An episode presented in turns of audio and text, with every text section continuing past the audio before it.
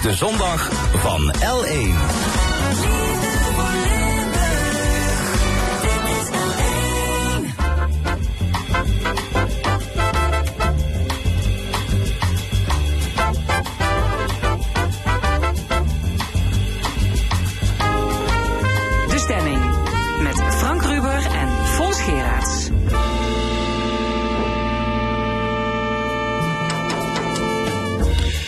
Welkom bij de stemming. Vandaag met de volgende gasten. Arabist Ronald Kohn. Wat is zijn visie op de oorlog tussen Hamas en Israël? En hoe groot is de kans op escalatie? Filosoof Ralf Baudelaire en ex-politicus Tof Tissen over de vermeende intolerantie van links. En onze geschiedenisanalist Joep Leersen over 100 jaar vroedvrouwenschool in Heerlen. Limburg gaat in snel tempo veranderen. Er is ruimte nodig voor huizen, openbaar vervoer, windmolens en recreatie. Hoe moet Limburg eruit zien in 2050? Daarover gaan we het hebben in ons tweede uur. Dan nog een column van Rezi Kouwmans en het panel discussieert over de toekomst van onze kerkgebouwen en andere actuele zaken. Tot 1 uur is dit de stemming. De oorlog tussen Hamas en Israël overheerst het nieuws. Voor de zoveelste keer, want het is een conflict met een lange geschiedenis. Israël en Palestina, het zijn twee kampen die lijnrecht tegenover elkaar staan. Waarom is dit zo'n onoplosbaar conflict? En hoe groot is de kans dat het hele Midden-Oosten in vuur en vlam wordt gezet? Aan tafel Arabist Ronald Kohn. Hij is gastonderzoeker aan de Rijksuniversiteit Leiden. Goedemorgen. Goedemorgen. Ja, elk gesprek over Israël en Palestina dat dreigt ook in Nederland al heel snel uh, uit de monden in verwijten. Um, ja, je wordt al snel beticht van partijdigheid als je het erover hebt. Dus nou ja, disclaimer alvast. Uh, hoe moeilijk is het voor u als Arabist om u staande te houden in ja, dit. Nou, ik probeer neutraal te blijven en te kijken naar wat er gebeurt. Ik, voor beide sentimenten wil ik eigenlijk kijken wat is er gebeurd, wat is redelijk. Uh, wat zijn er voor internationale afspraken bijvoorbeeld ooit gemaakt door de UN? En ik heb de, het idee dat veel van die, laten zeggen, de resoluties die internationaal zijn aangenomen, allemaal vergeten zijn, dode letter op papier zijn en het is net alsof ze niet meer bestaan. En wat je natuurlijk op de achtergrond ziet, is dat er constant een broeiend probleem is.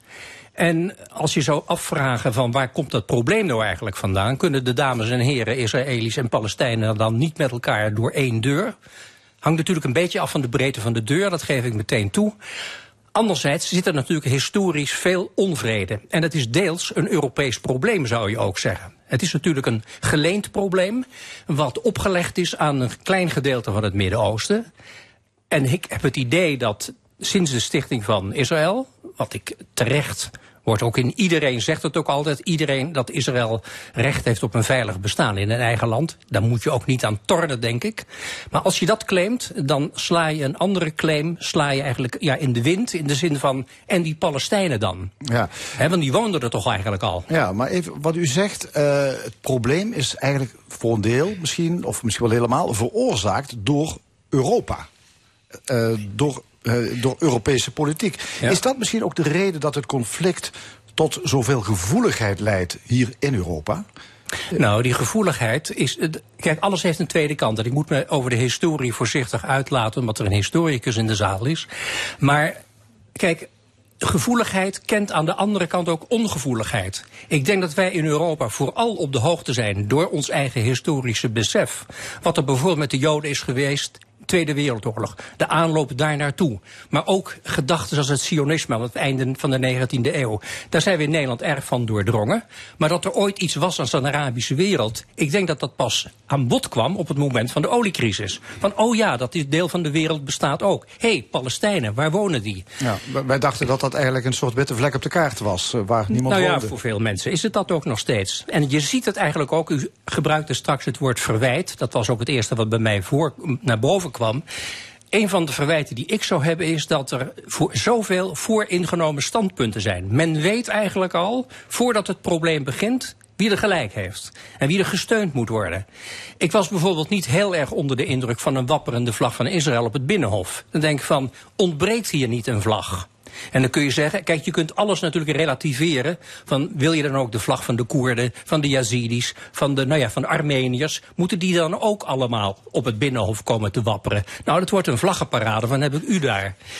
Maar je moet wel heel rationeel je geschiedenis kennen en ook weten en niet meteen zeggen, ja, wij staan volledig achter Israël. Moet je wel doen, maar je moet wel een komma maar zin erachteraan hebben. Maar er is nog een andere partij die eveneens leidt onder het conflict. En dat kun je zeggen van, maar wie is er begonnen? Dan krijg je het verhaal van hoe ziet de cyclus van oorzaak en gevolgen in elkaar. Kom je weer bij het verhaal van, ja... Ja, wil ik zo meteen inderdaad toch even naar dat prille begin gaan zoeken. maar misschien eerst de situatie op dit moment. Um, ja, los van het menselijk leed dat we dagelijks zien. Um, hoe ernstig is het? Dreigt er inderdaad een regionale escalatie van, van dit conflict? Ik denk dat iedereen zijn knopen telt. Kijk, ik zag vanmorgen nog uh, Han Bouwmeester, brigadegeneraal van het ministerie van Defensie. Uh, die legde aan de hand van de kaart uit hoe de Gazastrook in elkaar zit. En vanaf welke kant Israël zich bedreigd kan voelen. Als het zou gaan escaleren. De Golanhoogte, waar Syrische uh, rebellen zouden kunnen ingrijpen. De Westbank kan in vuur en vlam komen staan. Aan de kant van Egypte, hè, dus waar Gaza aan de zuidwestkant aan Egypte grenst, zou je het nodig kunnen verwachten. Ik denk overigens niet dat Egypte gaat ingrijpen, maar voornamelijk humanitair zal optreden. Ja, en dan zijn de rapen natuurlijk wel gaar. En dan heb je nog Hezbollah in Libanon. Dus en Hezbollah zal op misschien wel een vier-frontenoorlog uh, Dat hebben ze eerder gedaan. Hè? Dat hebben ze natuurlijk eerder gewonnen, want ze laten zich natuurlijk niet met een kluitje in het riet sturen, ja. de Israëli's. Dat is op zich ook goed, maar maar ik mis iets, dat is namelijk datgene wat er op de achtergrond gebeurt.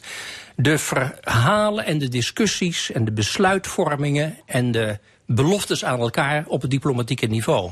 En dan kun je zeggen, diplomatie is altijd stilletjes, prachtig. Maar je zou af en toe een glimpje daarvan willen hebben. En het is politiek ook van belang om te laten zien dat er iets gebeurt. Ja. Een van de grote... Veronderstelt u dat er dus niets of te weinig gebeurt op diplomatiek ja, vlak? Ik, ik, zie het niet. Maar ik moet zeggen dat ik erg geïnteresseerd ben in de rol van een land als Saoedi-Arabië. Wat met een aantal rapprochements, toenaderingen bezig is. Zowel ten opzichte van Israël, maar ook ten opzichte van Iran, gek genoeg. En wij zien die rivaliteit tussen die regionale reuzen zien we natuurlijk met een soort angst aan. Eerst waren we bang dat ze elkaar naar de strot zouden vliegen. En nu zijn we bang dat ze het met elkaar kunnen gaan vinden. Dat ze elkaar, met elkaar een oplossing bedenken. Ja. En wat die oplossing dan is. Ja, het wordt nu, krijgt het weer, laten we zeggen, ja, het is nu herfst. Hè. De herfstkleding van de argumentatie is van, we doen nu weer net alsof we de Palestijnen heel leuk vinden. Maar ik heb ze er jaren niet over gehoord. Ja, het is Hamas. Uh, Hamas begon uh, twee weken geleden met uh, die aanval richting Israël. Ja. Wat wil Hamas? Nou, ik denk dat Hamas, als je, ze, als je de leiders daarvan zou spreken, maar het is niet altijd duidelijk wie nou eigenlijk echt de ideologen zijn van Hamas, dan denk ik dat ze ja, in de grond in essentie willen ze natuurlijk dat de Palestijnen gewoon een Palestina hebben. Al dan niet in een twee-staten-oplossing, hoe dat, zodat er ook maar willen. Maar er zijn, Hamas is tamelijk, laten we zeggen, irrationeel in zijn, uh, in zijn handelen geweest. En weten internationaal hun standpunt. Ze zijn tenslotte ook als terroristische organisatie staan ze te boek. Ze weten hun punt niet te maken. En ze weten ook niet met Hezbollah. Die dus ook ijveren voor, laten we zeggen, onder andere voor de Palestijnse zaak. Ze weten niet op één niveau te komen dat ze dat er een realistisch doel te realiseren is. En uh, ja, ik geloof dat uh, het idee dat ze terroristische organisatie zijn wel terecht is. Want dat hebben we ook bij deze aanval gezien. Dat was werkelijk van, volkomen van God los natuurlijk, wat ze daar ja, deden. Ja. Je, je zou verwachten dat er steun komt vanuit de Arabische wereld voor uh, de Palestijnen. Die toch als een broedervolk worden gezien. Bijvoorbeeld ja. Israël, wat notabene ook nog grenst aan een stukje van de Gazastrook. dat, dat lijkt allemaal moeilijker te zijn. Israël heeft niet zo'n behoefte aan heel veel Palestijnen op eigen grondgebied blijkbaar. Hoe kijken Arabische landen eigenlijk naar de Palestijnen? Nou, ik heb het gevoel dat dat heel erg. Ik kom vrij veel de laatste jaren op het Arabische Schiereiland. Emiraten, Qatar, Saudi-Arabië. En ik snijd het natuurlijk wel eens aan, omdat dat deels is van mijn werk wat ik daar doe. En je hebt het idee dat ze daar totaal met andere dingen bezig zijn dan met dat broedervolk. En om opportunistische redenen zullen ze het af en toe wel eens, laten zeggen, weer op de agenda zetten. Maar het zijn niet de voorvechters voor de Palestijnse zaak. Ik zie eigenlijk nog meer voorvechters voor de Palestijnse zaak in Europa, bij wijze van spreken. En los van het verbod op, op demonstraties die we in Parijs en in Berlijn uh, hebben meegemaakt. Maar het leeft eigenlijk in die Arabische wereld alleen maar ergens vaag op de achtergrond als een notie van, oh ja, die zijn er ook nog. En natuurlijk zijn er altijd, wat ik dan wel goede lui vind, lui die de Palestijnse zaak op een nette, democratische manier willen steunen. Maar ze zijn, naar mijn idee, in de minderheid. En er komt iets bij. Laten we zeggen, de openheid van Arabische landen is meestal tamelijk beperkt.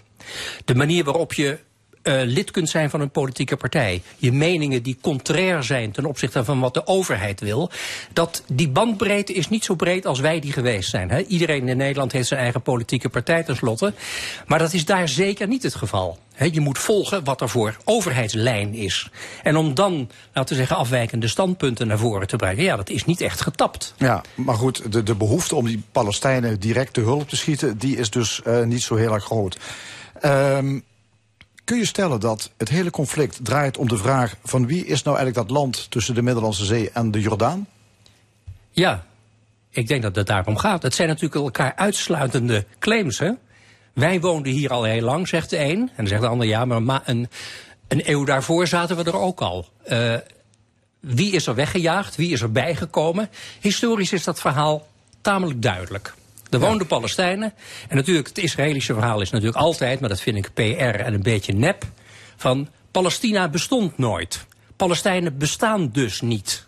Nou ja, je hoeft maar een historische tekst uit de Arabische wereld open te slaan. Je ziet Filistini in. Dat het woord voor Palestijnen. Dus ze bestonden. Kun je zeggen, in geografische zin of in staatkundige zin was er niet iets als Palestina. Maar kijk maar naar de periode dat het Ottomaanse Rijk bestond. Toen werd er natuurlijk wel degelijk over Palestina gesproken. En ook over Palestijnen. Ja, en over Palestijnen. Ja, ja. Mag je dus zeggen dat het, ja, u zei het al, het, het conflict is misschien dus ook ontstaan wel in Europa met de, de Zionistische beweging uh, onder de Joden in uh, eind 19e eeuw. Er waren mensen die gingen naar Israël, vestigden zich daar. Ja. Dat, dat is wel de, de ja, de, de, oorsprong van het, van het probleem? Ik denk dat dat zeker waar is. Alleen kun je altijd afvragen in hoeverre het zin heeft om bij, laten we zeggen, het kijken naar een oplossing voor een probleem zo ver terug te gaan in de tijd. Het sentiment bestaat natuurlijk zeker. Zoals ook het sentiment van de Joden hebben er extreem geleden onder de Tweede Wereldoorlog. Dat is een zinvol argument.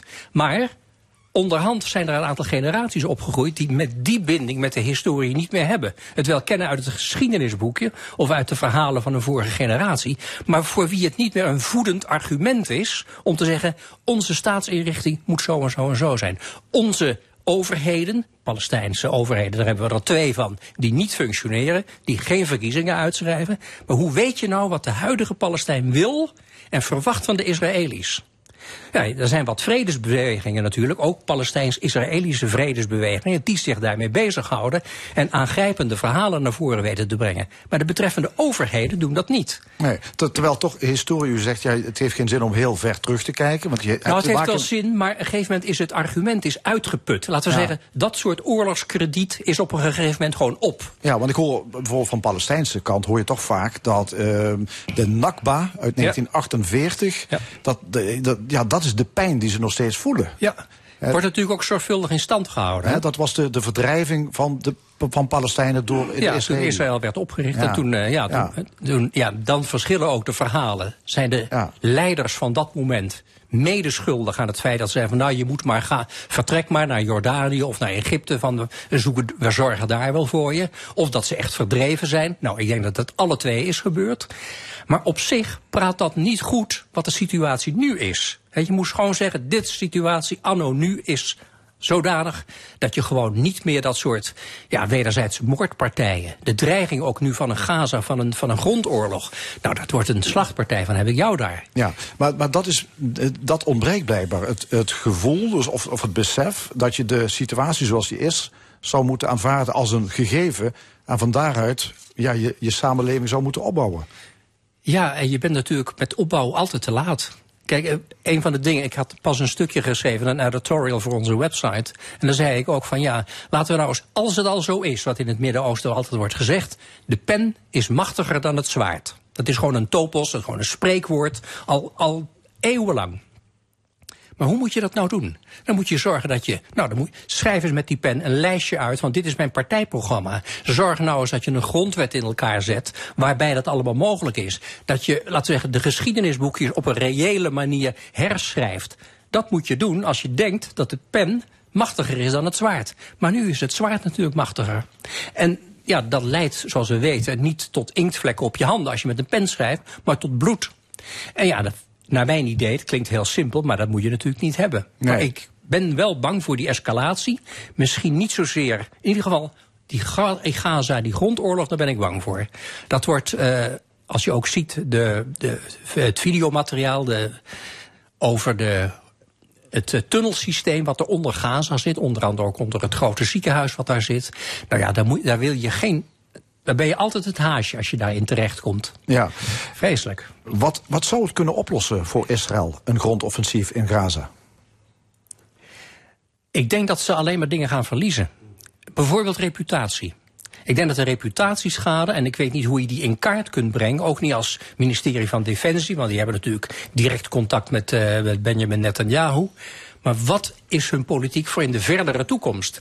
Ik, Vergeef me als, ik het, uh, als het verkeerd klinkt, maar ik denk wel eens dat ze eigenlijk streven naar een soort endleuzing. En ik weet dat die, dat woord endleuzing, dat dat een hele zware associatie heeft. En dat geldt natuurlijk voor meer woorden. Hè. Ook het woord ghetto zie je wel eens gebruikt worden voor de Gazastrook. En al die woorden zijn enorm historisch gekleurd geraakt. Dus ik wil daar ook voorzichtig mee zijn met het gebruik van die woorden om de situatie zoals die nou de Palestijnen onder andere, ook de Israëli's natuurlijk, overkomt.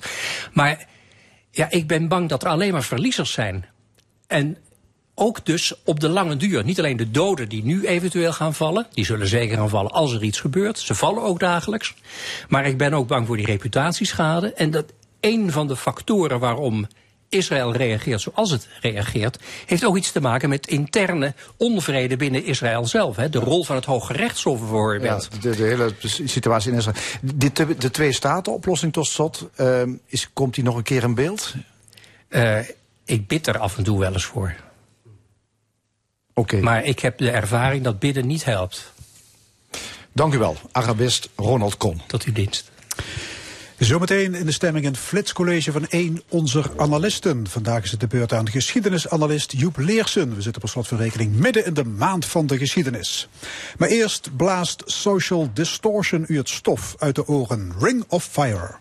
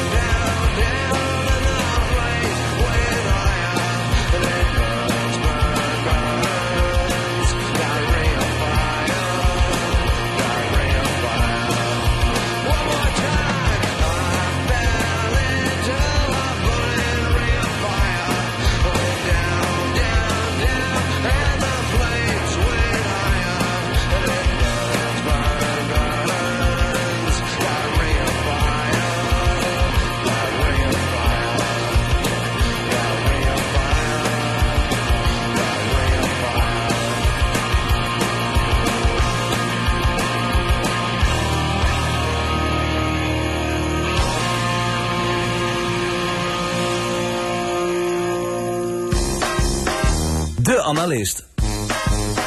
Vandaag met geschiedenisanalist Joep Leersen. Welkom Joep. Goeiedag. Jij wil het hebben over de Vroedvrouwenschool. Dan moeten we even uitleggen. Park Imstrade, dat ligt in Heerlen. Dat is een uh, chique huisvesting voor senioren op dit moment. Maar daar zat altijd de Vroedvrouwenschool. Uh, tot 1993 kon je zeggen, was Heerlen was het centrum voor de opleiding van Limburgse vroedvrouwen. Er zijn nog heel veel kinderen geboren. Ja. 80.000 heb jij uitgerekend. Ja, ja, geloof het meteen. Uh, ja, een heel chic landgoedachtig gebouw is dat. In een mhm. hele mooie omgeving. 100 jaar geleden in gebruik genomen, 1923. Uh, als ik dat zie, denk je, is, was dat ook niet een beetje te veel van het goede? ja, dat is waarom we zo aanspreken. Om te beginnen is het natuurlijk de vergrijzing in een notendop. Waar vroeger de kindertjes geboren werden. Daar slijten nu mensen hun levensavond. Uh, en dat is dus uh, de vergrijzing van Limburg. Uh, maar het is een, een, prachtig gebouw. Het is een hele mooie architectuur, jaren twintig. En je denkt, je, kon dat zomaar?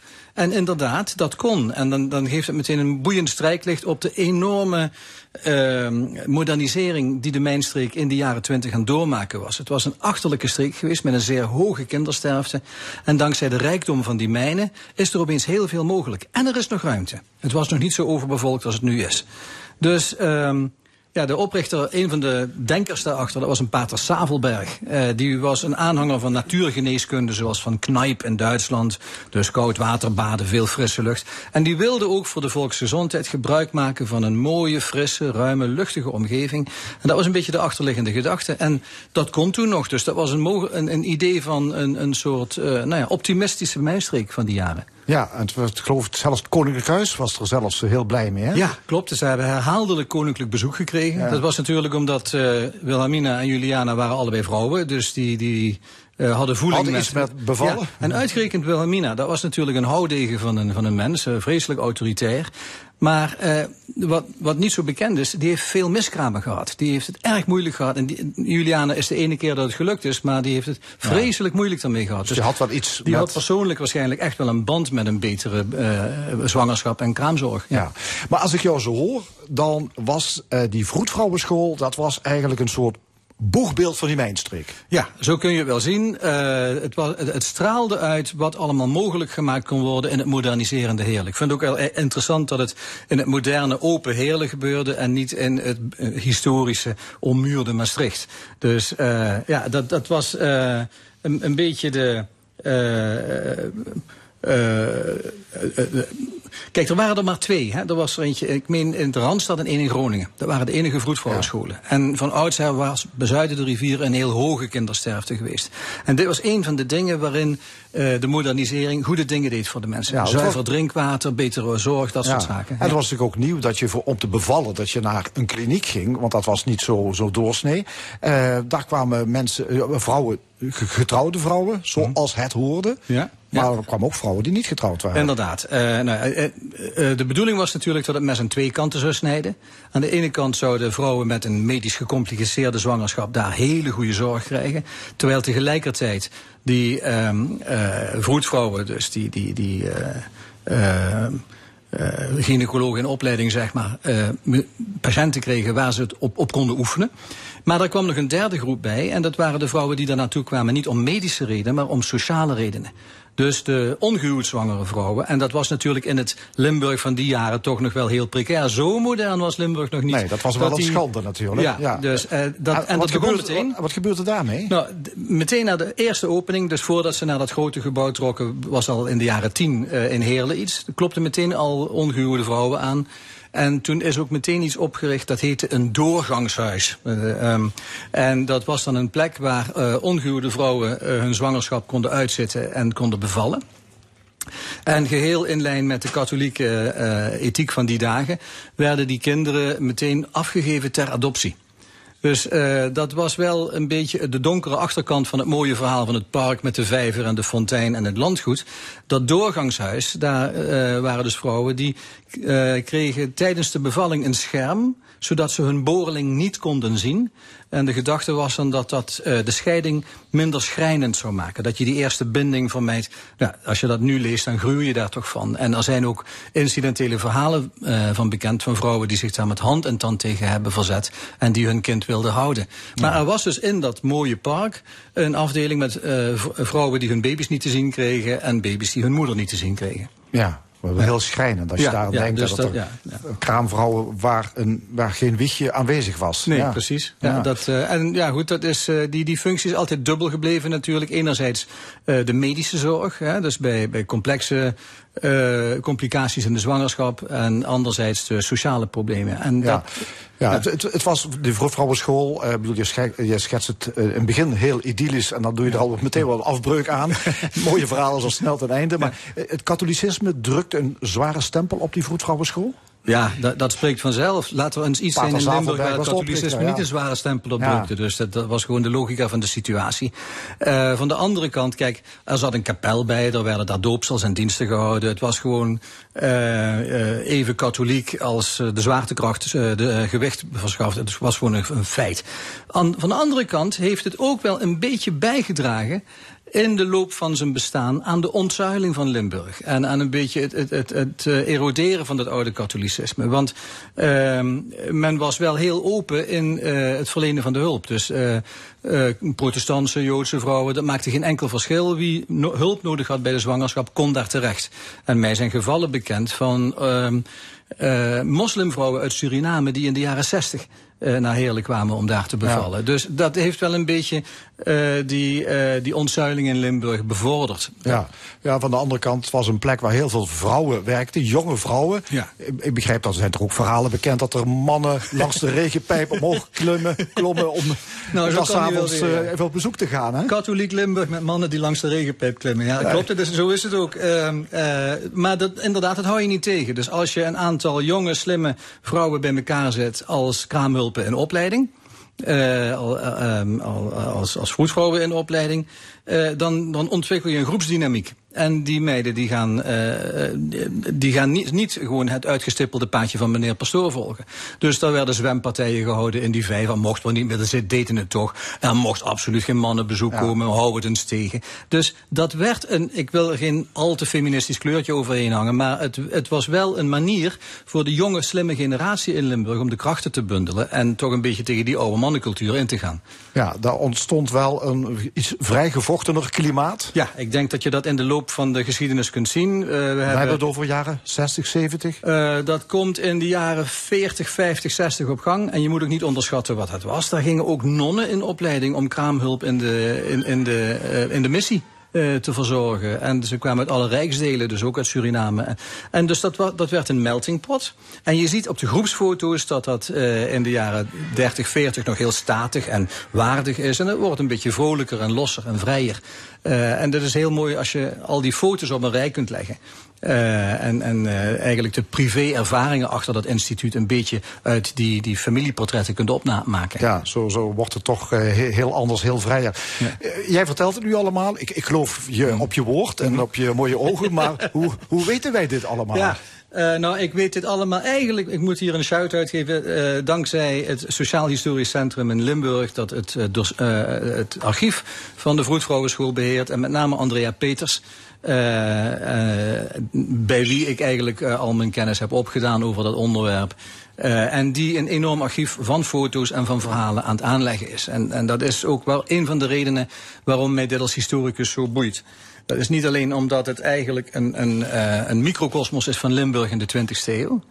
Maar ook omdat het uh, een, prachtig, uh, een prachtige manier is waarop de privésfeer en de publieke sfeer elkaar doordringen. Dit is een officieel instituut waarbij je de grootschalige ontwikkeling van de Limburgse samenleving in beeld kunt brengen. Maar het gaat tegelijkertijd om heel intieme verhalen. En die intieme verhalen zitten overal we moeten die kreet maar eens even gebruiken, in de haarvaten van Limburg. Met wie ik ook spreek, iedereen zegt, oh maar daar heb ik nog iemand gekend die daar is bevallen of die daar is opgeleid. Dus dat zijn heel intieme familieherinneringen, maar ze zitten wel overal.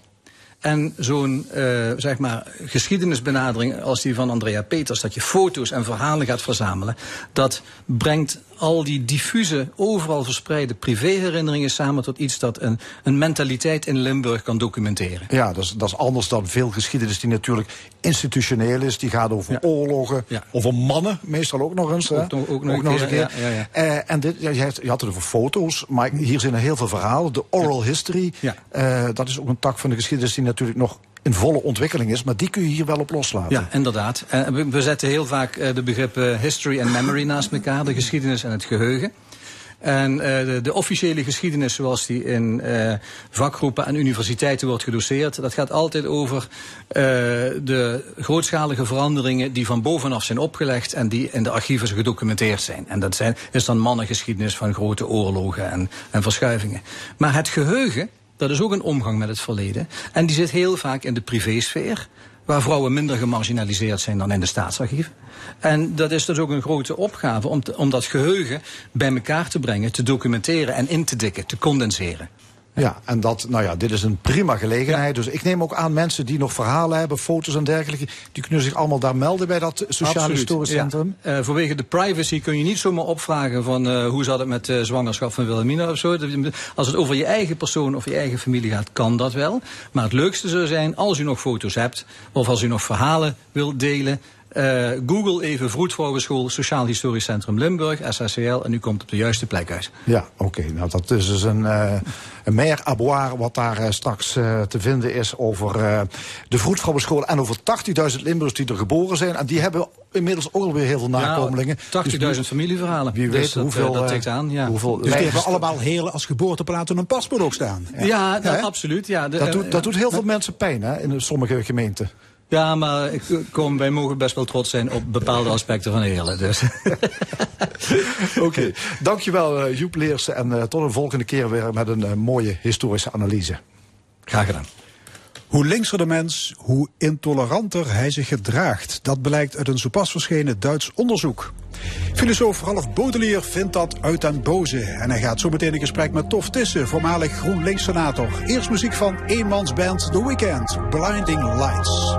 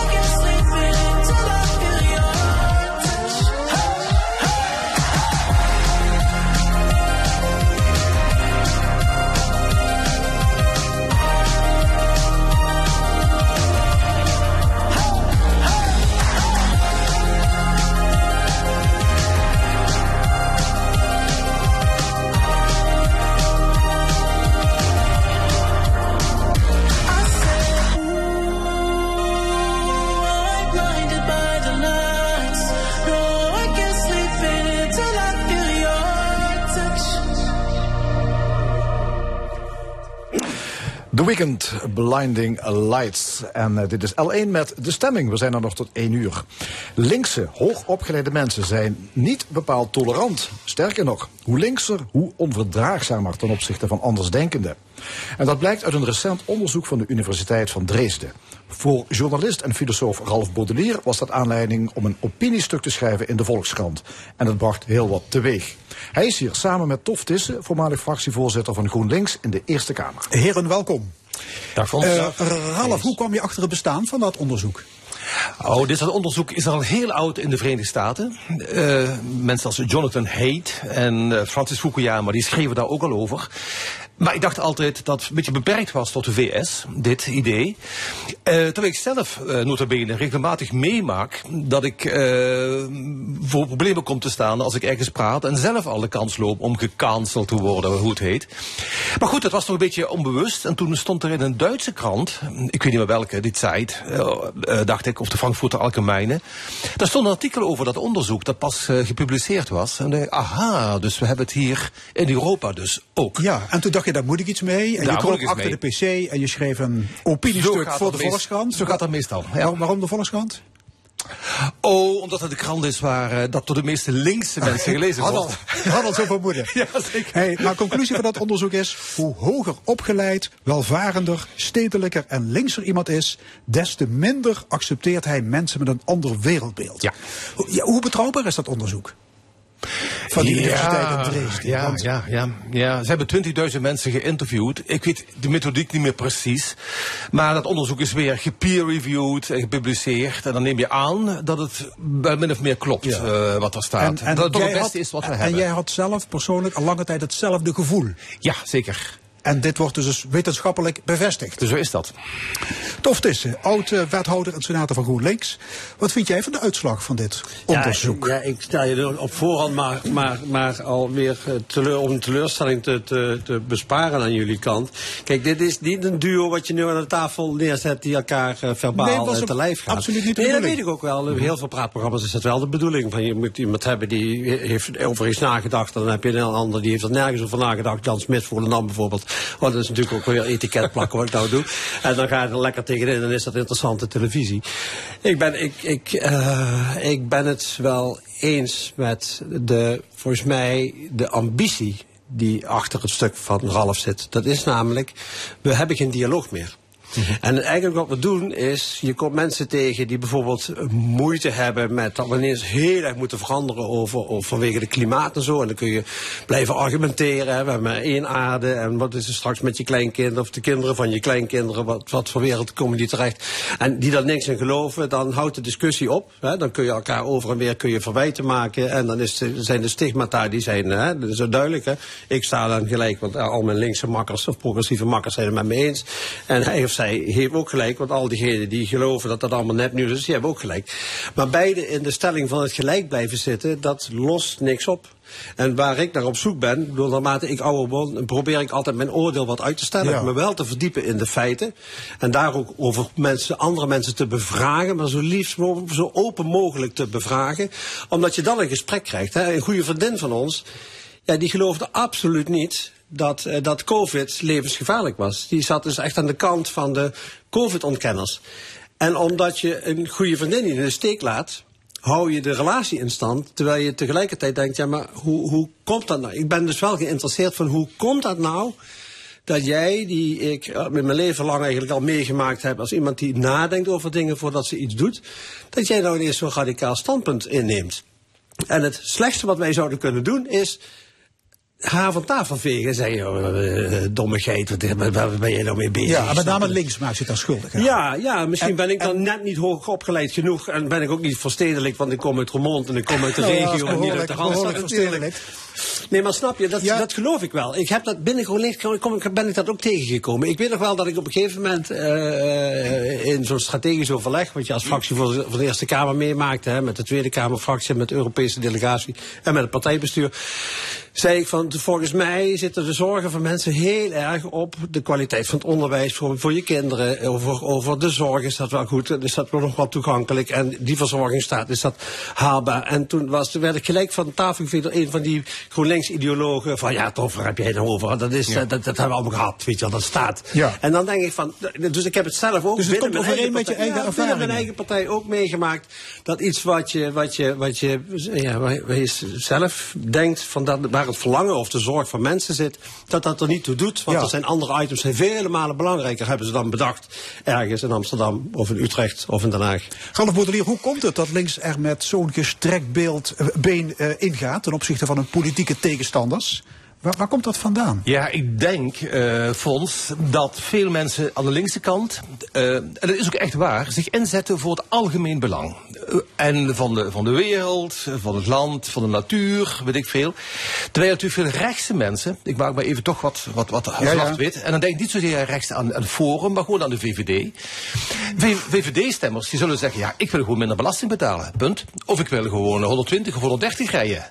En hen gaat het niet zozeer om dat grote belang van, eh, van het land of van natuur of milieu. Die denken heel duidelijk aan hun eigen interesse. En maar hebben dan ook niet de pretentie dat ze het goede doen. Eh, en dat ze moreel aan de goede kant staan. Nee, ze, ze kiezen gewoon, ja, dat vind ik fijn. Ik wil gewoon niet te veel belasting betalen. Allemaal hele rechtvaardige dingen. En dan kijken we wel in de democratie hoe we daaruit komen. Eh, terwijl dus links daarentegen die wel een pretentie heeft. En, eh, en de pretentie is die wereld beter te maken. Ja, je schrijft in het Volksrandstuk. En daarom is morele Andersdenkenden superieur worden gezien Ja. als vertegenwoordigers van het kwaad. Ja. Het zijn mensen die samenvallen met hun inzichten. Ze hebben geen foute ideeën, het zijn foute mensen. Exact. Dat Ik zal- wel heel Ik ver. zal eens een heel mooi voorbeeld geven. Iets wat misschien al ooit aan deze tafel hier besproken is. En dat zich afspeelt in Maastricht. In het voorjaar van 2022. Misschien weet je waar je op doel. Aan de universiteit stond in de universiteitskrant Observant. Ik zie u bedenkelijk kijken, dus ja, niet over hier vrouwen, besproken. Over vrouwen. met, eh, hoe staat het ook alweer? Exact. Nou, waar ging het om? Inderdaad, een stuk was, de universiteit besloot om eh, tampons en maandverband beschikbaar te stellen aan, nu komt ie, Mensen, vrouwen. ja, mensen die menstrueren had dat moeten zijn. Nou weet ik het exact. weer. Ja. Dus de, de, de observant schrijft gewoon een keurig verhaaltje. eh, dat vrouwen toch op kosten gejaagd werden. eh, zeker studenten bijvoorbeeld, die niet konden betalen. De universiteit legt daar dan een gratis spul neer op de wc. En dan komt er een actiegroep eh, in het geweer en zegt... nee, het zijn geen vrouwen die menstrueren, het zijn mensen die menstrueren. Want je hebt tegenwoordig ook trans mensen. Mhm. Die dus wel menstrueren, maar zich man noemen. En ja, dan moet je dus een andere term voor Of mensen met een baarmoeder wordt ook wel eens En mensen met een baarmoeder. Ja, ja, ja. Nou, dat is een heel nieuw inzicht voor de meesten van ons. Want we denken nog steeds in categorieën als mannen en vrouwen. Maar goed, het is een onderwerp dat nu op tafel ligt. Hè? En dan komt hij, de krant schrijft dat, eh, toch vrouwen. En dan komt die actiegroep en die wil dat de krant dat rectificeert. En anders wordt de community geactiveerd wat dat mogen zijn. Nou, de krant rectificeert niet. Maar ze nodigt hen wel uit. Schrijft een opiniestuk in Observant. Waarin je waarom ze uitlegt waarom we over mensen die mensen weer moeten spreken. En niet over vrouwen. Dat weigert eh, dat blad. Maar wat er wel gebeurde is dat ze een aanval doen op de server van Observant. Die wordt drie dagen stilgelegd.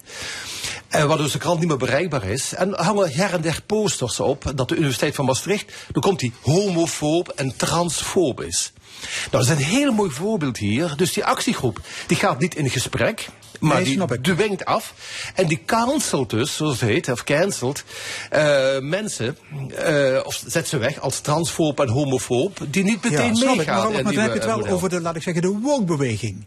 En je kunt die woke-beweging toch niet gelijk schakelen aan, laat ik zeggen, progressief, progressief Nederland. Nee, dat ben ik met je eens. Hier gaat hier om duidelijke eh, militante, eh, ja, zeker. Maar, die je, moet, wel je moet niet vergeten dat aanwezig natuurlijk verandering wel Ja. vaak het gevolg is van militante groepen die op een gegeven moment zeggen: het is genoeg. Extinction Rebellion, die actievoerende eh, jonge mensen vooral, ja, die krijgen langzamerhand heel veel sympathie.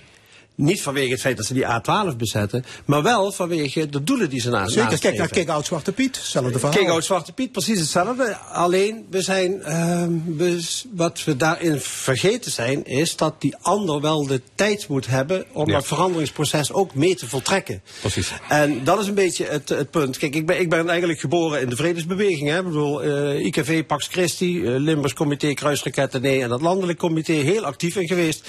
En de actiemethode van ons was, ga in gesprek met mensen die niet als vanzelf denken dat kernwapens niet de vrede in stand houden. Dus die eigenlijk opgevoed zijn van dankzij de kernwapens is Japan op de knieën gedwongen. En dankzij de kernwapens en die, en wederzijdse verschrikking krijgen we nooit meer oorlog. Dus die mensen moet je gaan overtuigen. Dus ik ben ongelooflijk veel in kerkenraden, gemeenteraden, eh, onderwijs, met de vakbonden, met vrouwengroepen in gesprek gegaan. En daar heb ik geleerd om niet gelijk te veroordelen als iemand daar anders over dacht. Maar dacht van ja, maar wacht even, die, deze, deze mensen zijn opgevoed na de Tweede Wereldoorlog. Van dankzij die internationale kernwapenwetloop hebben wij duurzame vrede in Europa. Dat is later gebleken dat dat ook al heel anders is tot en met, tot en met nu. Maar dat leert je om, om mensen mee te nemen in een verandering die nodig is. En als gevolg daarvan kwamen er honderdduizenden letterlijk en 3,5 miljoen handtekeningen onder een petitionement te staan. Omdat je, dat je op een of andere manier in je actiemethode nadenkt van ik moet de ander niet van mij vervreemden, maar ik moet de ander mee zien te krijgen. En dat spreekt me aan in het, in, in het opiniestuk van Gehals. Het opiniestuk, dat, dat, dat wemelt van termen als leren luisteren, oprechte interesse in andermans opvattingen, met open vizier van gedachten. Heeft het ook iets te maken met jullie theologische achtergrond? Ben je Jullie hebben allebei theologie gestudeerd? Nou, ik, ben, ja, ik, ik, ik, moet nog, ik moet nog mijn scriptie. Ik ben niet afgestudeerd, dus daarom ben ik niet zo hoog opgeleid. Hè. Ik heb het nooit afgemaakt. Mijn goede vriend, veel te, veel te vroeg gestorven, Dennis Jansen. Wat ik zei van, maak, die, maak dat nu eens af, jongen. Dan heb je tenminste, dan heb ze tenminste, hij heeft er ook 14 jaar ja. dan heb ze tenminste gehad. Maar goed, ik kwam in de politiek terecht, dat had ik ook. Ja, veel te veel eigenlijk. Dus ik had geen tijd meer om af te studeren. Nou ja, misschien is dat, is dat, is dat wel, heeft dat wel iets mee te maken. Kijk, ik ben ook al, ik heb het ook vaker in mijn werk bij, bij het werkbedrijf van UWV gezegd. Hè, van, je hebt idealen nodig om mensen mee te krijgen. Hè. Ik heb ooit gezegd van, wij als werkbedrijf, wij zijn ervoor om mensen weer perspectief te geven op werk, mensen daarin te ondersteunen. Dat is onze stem op de horizon. Altijd. Want mensen hadden niet op een verlanglijstje staan dat ze ziek geboren werden, of met een handicap, of chronisch ziek, of gedurende hun leven dat opliepen. Dus dan moeten we op een of andere manier moeten we mensen coachen, ondersteunen stimuleren om weer mee te kunnen doen aan de arbeidsmarkt naar vermogen. En dan heel vaak zeg ik van, stel nou dat Mozes dat slavenhuis van Egypte was binnengelopen en zei van nou, zullen ze een wandeling gaan maken. Nee, die had een beeld, die had een ideaal. En die, en die wist mensen te, ja, te motiveren, te inspireren. en daardoor kwamen ze in beweging. Ik denk een ander heel beroemd voorbeeld, wat een grote switch was in Amerika, de burgerrechtenbeweging. Hè, Het afschaffen van de apartheid daar, was Martin Luther King. En die ging ook niet het veroordelen van de witte, hij zorgde dat hij de witte aan zich bond. Precies. Uh, in de Mars, in uh, Selma, ja. et cetera. Of ook een theoloog. Hè? Dus wat dat betreft is ja, toch wel links. Ja. Maar je moet blijven praten met mensen. Exact. En zeker bij hele nieuwe ideeën. Dus met, over die mensen met baarmoeders of wat je ook mm. hebt. Blijf constant praten. Overtuig ja. mensen. De vraag waarom, is dat, waarom is dit belangrijk? Ja. Dat je nou zo, zo radicaal eh, tegen zo'n opiniestuk in de Observant, of hoe heet dat ja. ding, de blad van de, de Maastrichtse Universiteit. Ga in gesprek, en dat vind ik dan wel jammer, dat zo'n actiegroep dan de uitnodiging van de redactie in de wind slaat om niet in een gesprek te gaan. Terwijl ik denk van ja, een gesprek, dan kun je nog altijd concluderen, we hebben niks aan en nu over vechten. Maar je kunt ook zeggen van hé, hey, het heeft ons geholpen om wederzijds begrip te krijgen. Ja, het stuk heeft iets losgemaakt no. in de Volkskrant, want het regende daarna ingezonden brieven. Ja. Onder andere van cabaretier Claudia de Brij. Ja. En zij zegt: Ik heb geen zin om met tegenstanders van het homohuwelijk of geslachtsverandering in debat te gaan. Want die mensen vinden dat wij niet mogen bestaan. Ja. Wat zeg je daarvan? Ja, het gaat helemaal niet. Nou, ik vind op de eerste plaats. Ja, het gaat niet of ze mag bestaan. Hè? Want Claudia Breij lijkt mij meer dan alleen maar homo. Hè? Ze is ook uh, cabaretier en prestatrice en moeder en minnaar en weet ik veel. En vrouw en uh, Utrechtenaar. Ze heeft een veel bredere identiteit. Dus ik vind het sowieso raar dat ze haar hele bestaan in twijfel trekt. Maar goed, tot daaraan toe. Zelfs aan mensen, dus binnen de SGP bijvoorbeeld, een van de weinige bolwerken waar maar nog tegen het homohuwelijk is, zelfs daar moet je mee blijven praten, vind ik. Ja. Ook al vinden zij op grond van weet ik welke ideeën dat het niet goed is. Maar weet je, punt, het homohuwelijk staat helemaal niet meer ter discussie op dit moment. Nee, ik heb er ook helemaal geen punt van gemaakt in mijn verhaal hier. Uh, het gaat nu dus over, over transgenders, hè, wat een uh, belangrijk onderwerp is. Nou, alles wat nieuw is en alles wat uh, mensen uitdaagt tot nadenken, je probeert ze te overtuigen. Nee, snap ik. Maar heeft ja. het zin um, om met iemand in debat te gaan over, laat ik zeggen, de klimaatcrisis. Of die überhaupt ja. bestaat. Ja, zeker, dat moet. Dat, dat maar je, maar je kunt wel aan. discussiëren over fossiele, uh, hoe heet dat, de fossiele industrie, of die gesubsidieerd moet worden. Ja, met klimaatontkenners, dat schiet ook allemaal niet op. Nou, maar je hebt, ze wel, je hebt ze wel nodig. Want stel nou dat dadelijk Trump weer een volgende periode krijgt in de Verenigde Staten, en dat is niet uit te sluiten. Stel nou dat datgene wat in Polen misschien een narrow escape uh, gelukt is, hè, dat, dat Donald Tusk daar een regering kan vormen. Zo'n mensen als Orban, een rare Poetin, als dat de wereld gaat veroveren, je zult in gesprek moeten blijven, ook met mensen die gewoon... Ook mensen die zeggen de maanlanding heeft nooit bestaan en Sigrid Kaag is een heks. ja, ja, ja, ja, Poetin is een held. Moet je daarmee... De vraag is of je dit soort extremen, hè, of je daar al te veel tijd en energie in moet besteden. Ik denk dat we nu met klimaatverandering moeten we vooral praten over de, eh, ja, toch even, weet je wel, zonnewind of kernenergie. Hè, en dat wat bij GroenLinks ook speelt. Of, uh, ja, maar een eh, andere inzonderbrievenschrijver, die, die vraagt zich af, hoe kun je de politieke tegenstander serieus nemen als deze aperte leugens rondbazuint? Ja, dan moet je je leugens maar weer leggen. Ja, precies. Dat is, dat, is, je taak als volksvertegenwoordiger om te laten zien. En dat, dat je andere ideeën hebt, dat je de ander bevraagt daarop op. het verketteren, dat, dat zie je ook hè, in de extreme in de politiek. Dat leidt, dat leidt helemaal tot niks. Ik bedoel, wat hier de Arabist, het begin van de uitzending. Ja. Als je nou ja, het actuele voorbeeld van dat mensen niet meer met elkaar in gesprek gaan ziet, dan is dat natuurlijk toch tussen het Palestijnse volk en de regering van Bibi Netanyahu, die ja, echt ook niet zeg maar, het symbool is zoals Martin Luther King dat was of, of, of, of Nelson Mandela was om de hand te reiken aan de Palestijnen. Zeggen luister hier, we zitten hier nu eenmaal met twee volkeren op een klein stuk land, want Israël zelf is natuurlijk ook helemaal niet groot. De Golanholte is een soort uh, Guantanamo B 2.0. Uh, laten we nou eens kijken om er samen wat van te maken. Want wij willen het beste voor onze kinderen. Jullie, daar ga ik vanuit, willen ook het beste voor jullie kinderen. Laten we nou eens. Maar dat is, het is schier onmogelijk. Er is gewoon geen relatie meer te maken tussen die beide volken. Ja, het grote probleem daar, ik had anders nu trouwens op dit moment in Israël gezeten. Ik organiseer reizen naar Israël en Palestina, beide kanten van de muur. Nou goed, het gaat nu niet door, hè, als we moeten cancelen, cancelen. Um, maar het punt is, waar is het wat Israël echt toch achteraf heel fout heeft gedaan, is die muur bouwen. Heel begrijpelijk, hè, want er waren heel veel aanslagen van, uit de Westbank met name. Maar ik kan me herinneren nog de tijd voor dat die muur gebouwd werd rondom de Westbank, en dat hek om Gaza, dat toch de Israëli's bezig waren met het lot van de Palestijnen. Dat gesprek was er. En omgekeerd, Palestijnen ook, wat, wat moeten wij? Nu, op dit moment, als we naar Israël reizen, misschien niet nu, hè, maar een paar maanden geleden, niemand praat nog over de hele Palestijnen. Ze zitten achter die muur. Dat hele gesprek is weggevallen en ook dus de wederzijds herkenning als mens is bijna verdwenen. En is natuurlijk deze oorlog bepaald niet uh, bevorderlijk voor. Ja. Maar ook hier geldt dus van... Um, nou ja, het verhaal. Als je mensen uit elkaar haalt, niet met elkaar praat, aan elkaar verkettert, als beesten, zoals de Israëlische generaal deed. En wat natuurlijk Hamas net zo hard doet aan de mm. andere kant. Ja, dan ga je ook je als beesten gedragen. Dus het belang blijft overeind. Zie men, ga mensen niet vastpinnen op een achtergrond. De Zionist, het beest, eh, de terrorist, eh, de klimaatontkenner, de weet ik veel, de wappie. Probeer ze toch te zien als mensen en probeer het gesprek gaande te houden. Tot slot, de verkiezingsdebatten staan eraan te komen. Uh, hou je je hart vast, tof tussen? Nou, ik ben op de eerste plaats blij dat mijn partij met de Partij van de Arbeid in ieder geval nu, uh, nu samengaat. Ik vind het soms, heb ik het gevoel, dat is too little and too late. Ja, maar, nee, maar wordt dat ook wel hartstikke hard? Dat gaat hartstikke hard, maar ik hoop, ik hoop echt hè, dat, we, dat we niet in de opzet van Mark Rutte en zijn VVD trappen dat het puur en alleen over migratie uh, moet gaan. Mm. Want dat is natuurlijk uh, vreselijk vervelend, zeer belast onderwerp. Want niemand, althans veel te weinig mensen lezen het boekje van Arnold Grunberg over migratie. Ik hoop dat het een, een, een wisseling van ideeën is. En dat dat leidt tot, tot, tot, tot eh, overtuiging over en weer. Hartelijk dank, filosoof Ralf Bodelier en voormalig GroenLinks-politicus Tof Tissen. En na 12 uur in de stemming een gesprek met CDA-gedeputeerde Michael Teuns en landschapsarchitect Jeroen Verbeek over de toekomst van wonen, werken en leven in Zuid-Limburg in 2050.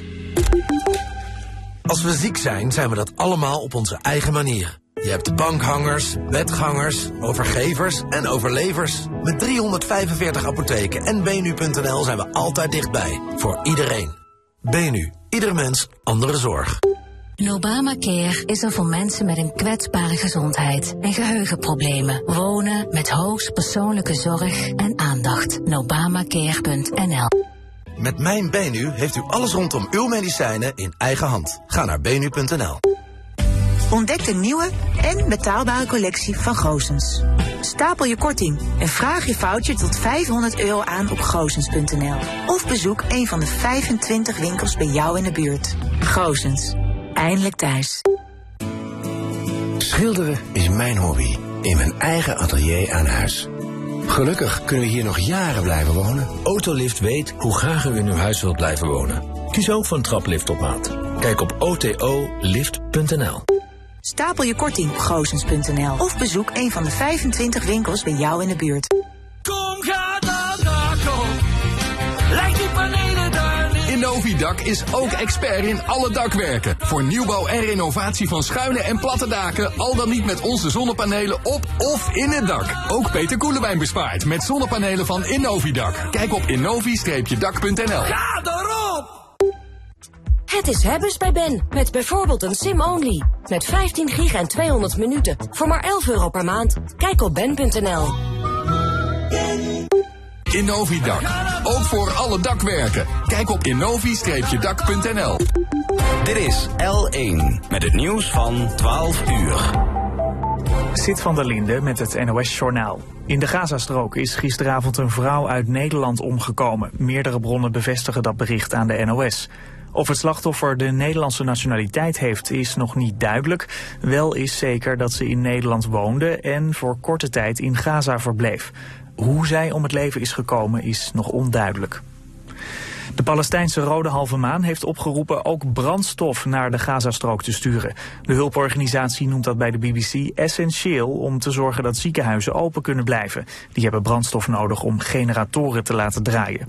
Gisteren kreeg een eerste hulpconvooi met onder meer water en medicijnen vanuit Egypte toegang tot de Gazastrook.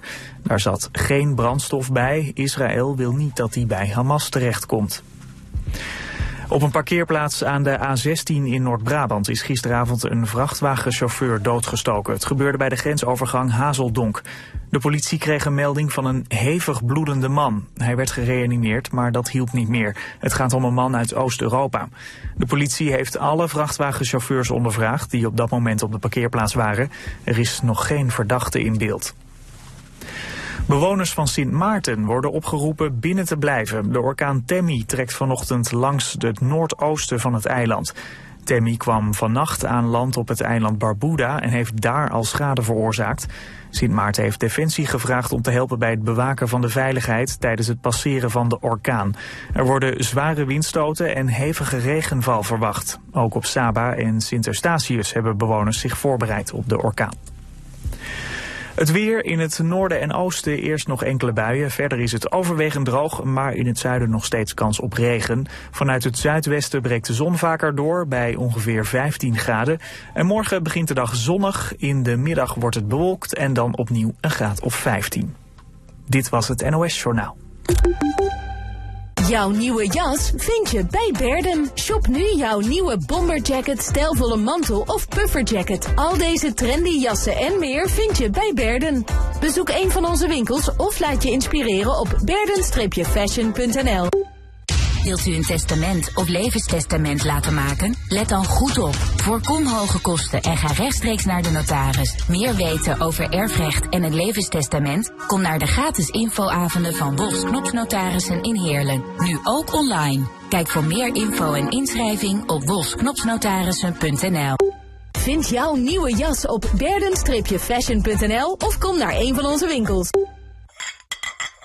Onze nieuwe keuken is de ontmoetingsplek voor de hele familie. Ideeën waren er volop op mhkkeukenexpert.nl. En vervolgens heeft MHK Keukenexpert Keukenboutique Weert alles tot in de puntjes gerealiseerd. Gaaf hè? MHK Keukenexpert ontwerpt en realiseert de keuken van je dromen. De meten is weten dagen komen er weer aan. Welke sta-opstoel past nou precies bij jou? Dat is een van de dingen die we graag voor je opmeten. Je komt alles te weten, gewoon door te meten. Meld je vandaag nog aan op medipoint.nl slash meten is weten. 27 oktober, Kempweg 33, Roermond. Medipoint. Wij zijn er als je ons nodig hebt. Wil jij ook scherp zien op elk moment? Veraf en dichtbij? Met één bril? Ga dan multifocaal. Nu bij iWish 200 euro korting op een complete multifocale merkbril. See you bij iWish Opticians. VitePro helpt om je spieren soepel te houden met vitamine D. Bestel Vitepro nu voor maar 9,95 op vitepro.nl. De wereldberoemde musical Les Miserables is voor de allerlaatste keer te zien in Nederland in Theater Heerlen. Met Milan van Waardenburg uit Kerkrade in de hoofdrol als Jean Valjean. Mis deze laatste kans niet. En boek nu de beste plaatsen via plt.nl. 15 day sale bij Wieler. Extra voordeel op onze voorraadmodellen van Volkswagen, Audi, Seat en Skoda. Check wieler.nl voor de acties. Op is op. Dit is de zondag van L1.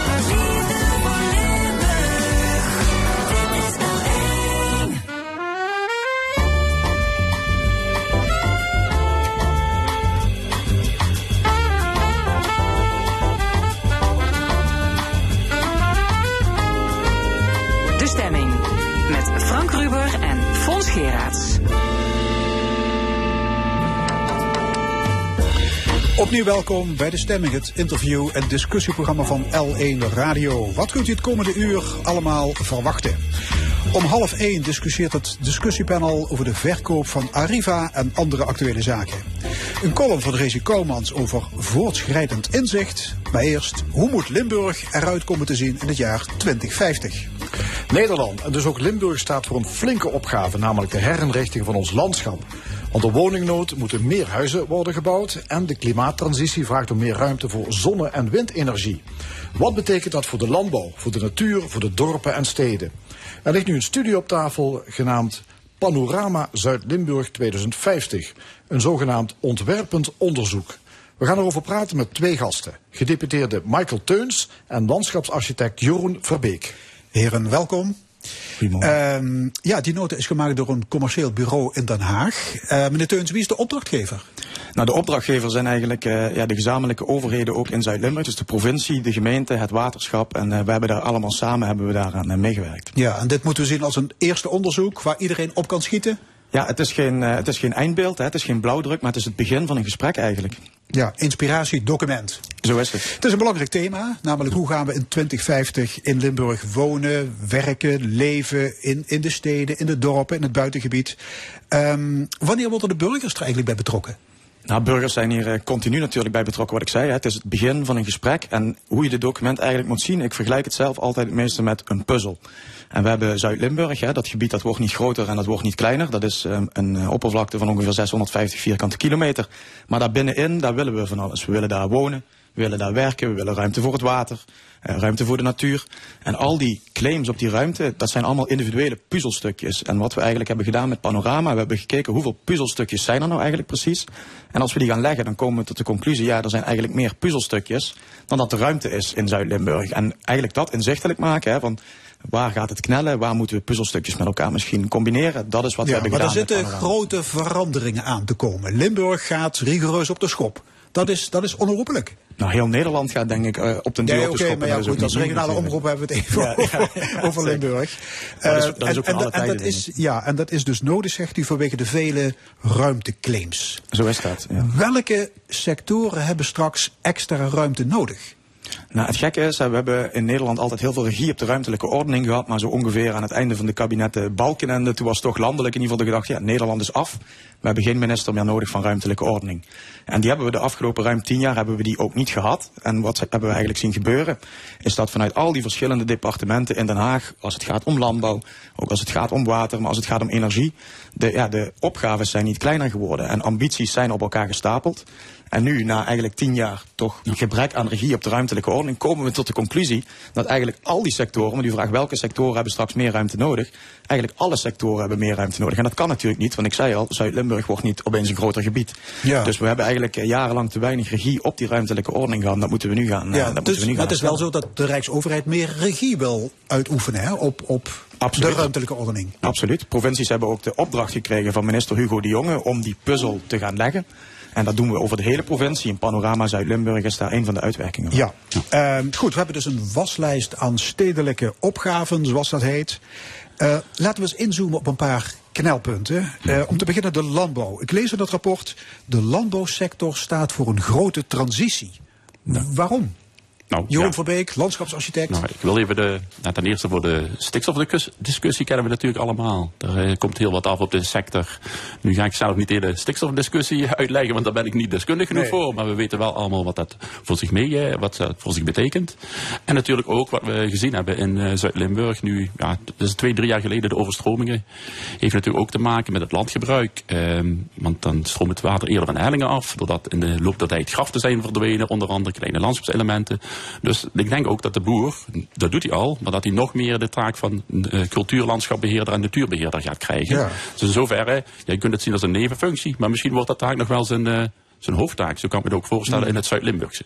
Dus de, de huidige agro-industrie die moet, eh, die moet kleinschaliger, met minder veeteelt, zeg maar natuurinclusiever. Nou, kijk, het moeilijke in die discussie is, en landelijk zie je toch dat, eh, dat er vaak wordt gezegd van ja, we moeten minder vee, we moeten, ja, de veehouderij is te groot. Mhm. Maar als je dan kijkt naar Zuid-Limburg, wat in Nederland een uniek gebied is, stel we zouden hier daadwerkelijk minder koeien in de wei laten lopen. Ja, dan komen op de plek waar nu grasland is en waar die koeien lopen, dan komen daar eh, gewassen te staan. En dan komen daar hoge, bijvoorbeeld komen daar allerlei hoge gewassen te staan. Dat wordt landschappelijk wordt dat niet mooi, dat is slecht voor afspoeling. Dus je ziet eigenlijk al dat, ja, dat wat landelijk gezien toch een beetje de trend is. Namelijk, we moeten toe naar een kleinere veehouderij. Dat dat voor Zuid-Limburg desastreus kan zijn. Want wat meneer Van Beek net zegt, je zult Maar toch, toch staat dat in dat rapport, als ik het goed gelezen heb. Nou. en we moeten toe naar kringlooplandbouw. Dat staat er ook heel uitdrukkelijk in. Nou, we zullen toe moeten naar een, naar een duurzaam, toekomstbestendig systeem. En daar moet ook nog steeds plek zijn, bijvoorbeeld voor de rundveehouderij in Zuid-Limburg, Ja. zeker. Maar meer dan de helft van Nederland is nu landbouwgrond.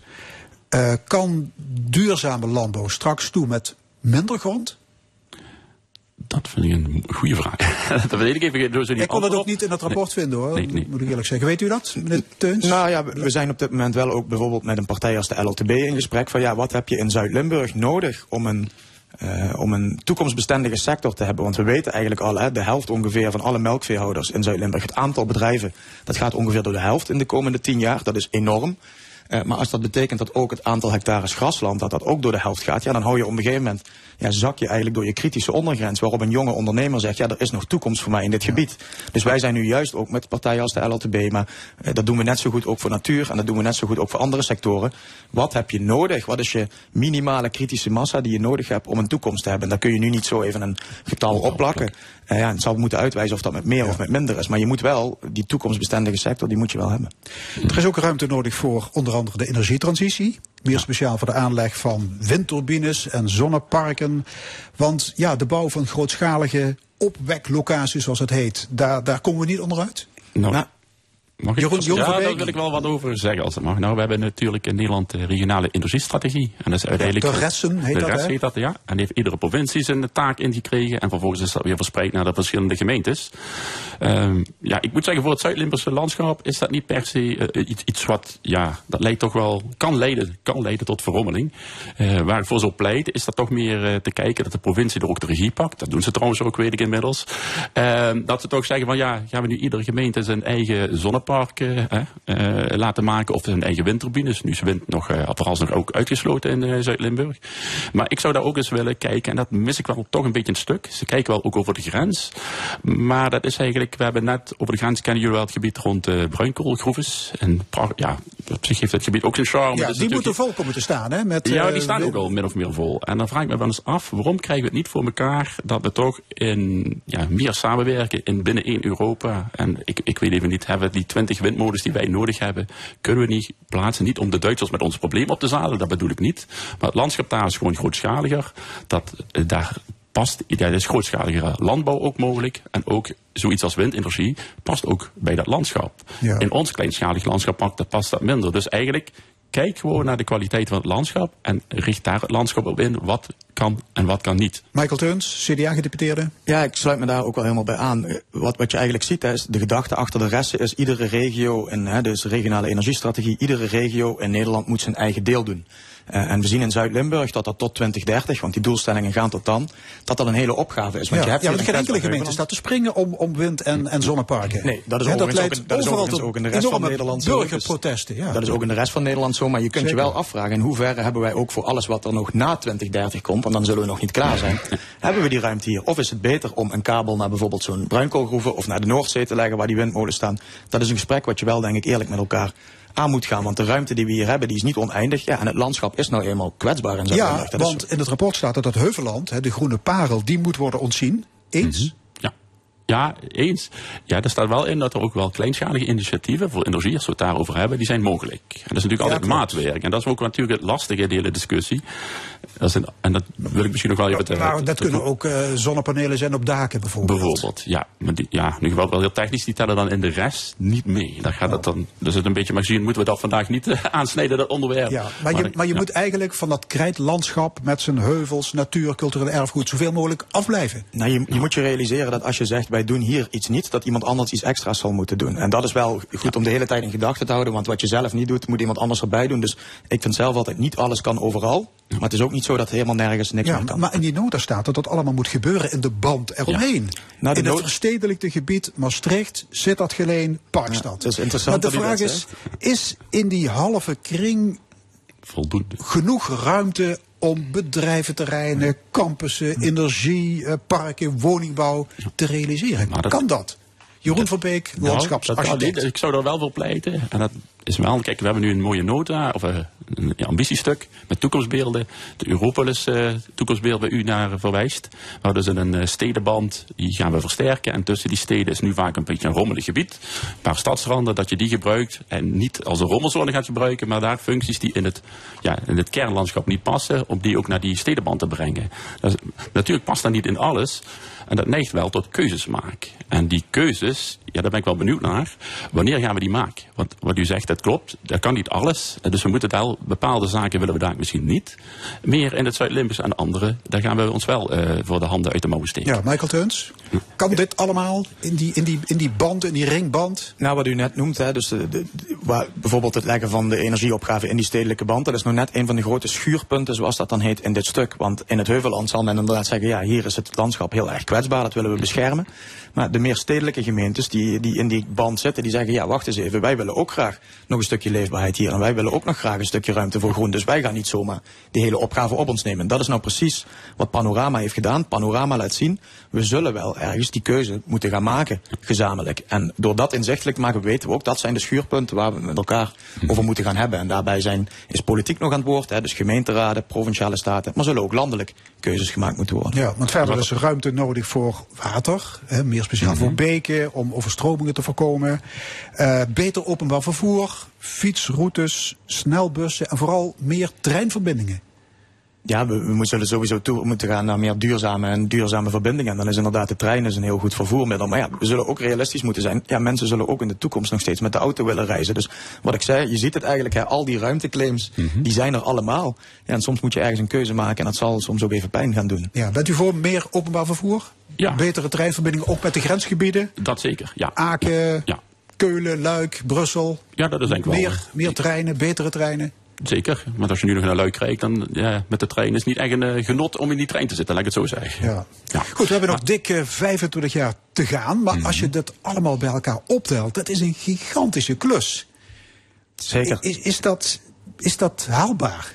Nou, we zullen continu. eh, Ik denk dat de les is van de afgelopen paar jaren is dat Nederland nooit af is en ook in 2050 zal het nooit af zijn. We zullen altijd na moeten denken welke puzzel hebben we met elkaar te leggen, welke claims zijn er. We moeten continu nadenken over hoe gaan we met ons landschap om. Want ook nu, hè, al was het een blauwdruk, je gaat niet in één keer opeens Zuid-Limburg op de schop zetten. Maar er zullen wel stap voor stap zullen er nieuwe ontwikkelingen komen. Bijvoorbeeld als iemand ergens een nieuw bestemmingsplan wil ontwikkelen. We gaan ergens een woonwijk.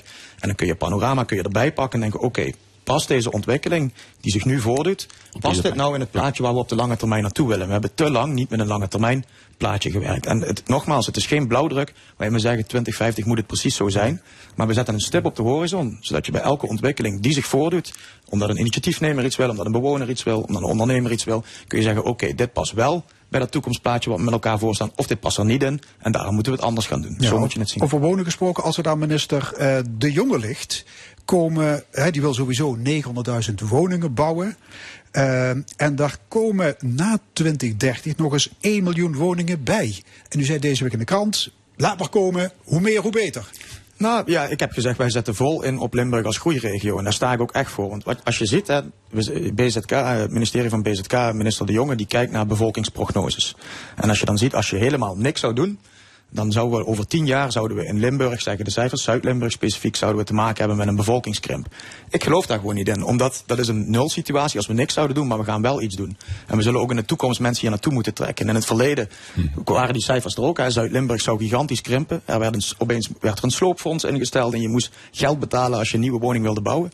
Nou, kijk waar we nu 15 jaar later staan. We Ja, hebben een maar u gigantisch zegt tekort dus, aan ik, woningen. ik geloof die cijfers niet van krimp. Nou, we moeten gewoon, we de, moeten gewoon bouwen. zijn, Want de cijfers zijn de cijfers, maar de cijfers gaan uit dat er geen groeistrategie achter zit. En ik zeg, we moeten samen als gezamenlijke overheden in Zuid-Limburg, want we kunnen niet al die woningen in de Randstad bouwen. Er zal, een plek zal op een gegeven moment zal opstijgen. Er wordt wel eens gezegd, water en bodem sturend. Nou, dan vind ik, dan moet je niet al die woningen onder zeeniveau bouwen. We zullen ook in Zuid-Limburg en in Noord- en Midden-Limburg zullen we ook moeten groeien. Maar daar moeten we wel iets voor doen, dat gaat niet vanzelf. Jeroen van Beek? Ja, nou, daar ben ik het wel mee eens. Maar dus wel, natuurlijk, de komende tijd zijn er in Limburg even 25, 35.000 woningen voorzien. Dat valt eigenlijk Ja, nog er is een woondeal met Limburg Ja, woondeal, dat is eigenlijk... Het gaat om 44.000 woningen extra voor 2030. Ja, het zijn 26.550 woningen en wij willen er nog 20.000 extra doen op de Ja. mensen. Ja, nee, op zich En waar, waar moeten die huizen komen? Ja, goed. Ik zou wel nog ervoor willen pleiten. Eh, dat is natuurlijk ook. Er zijn nog vele plekken. Ik heb laatst een symposium ook bijgewoond. Er zijn ook plekken die we gaan herstructureren.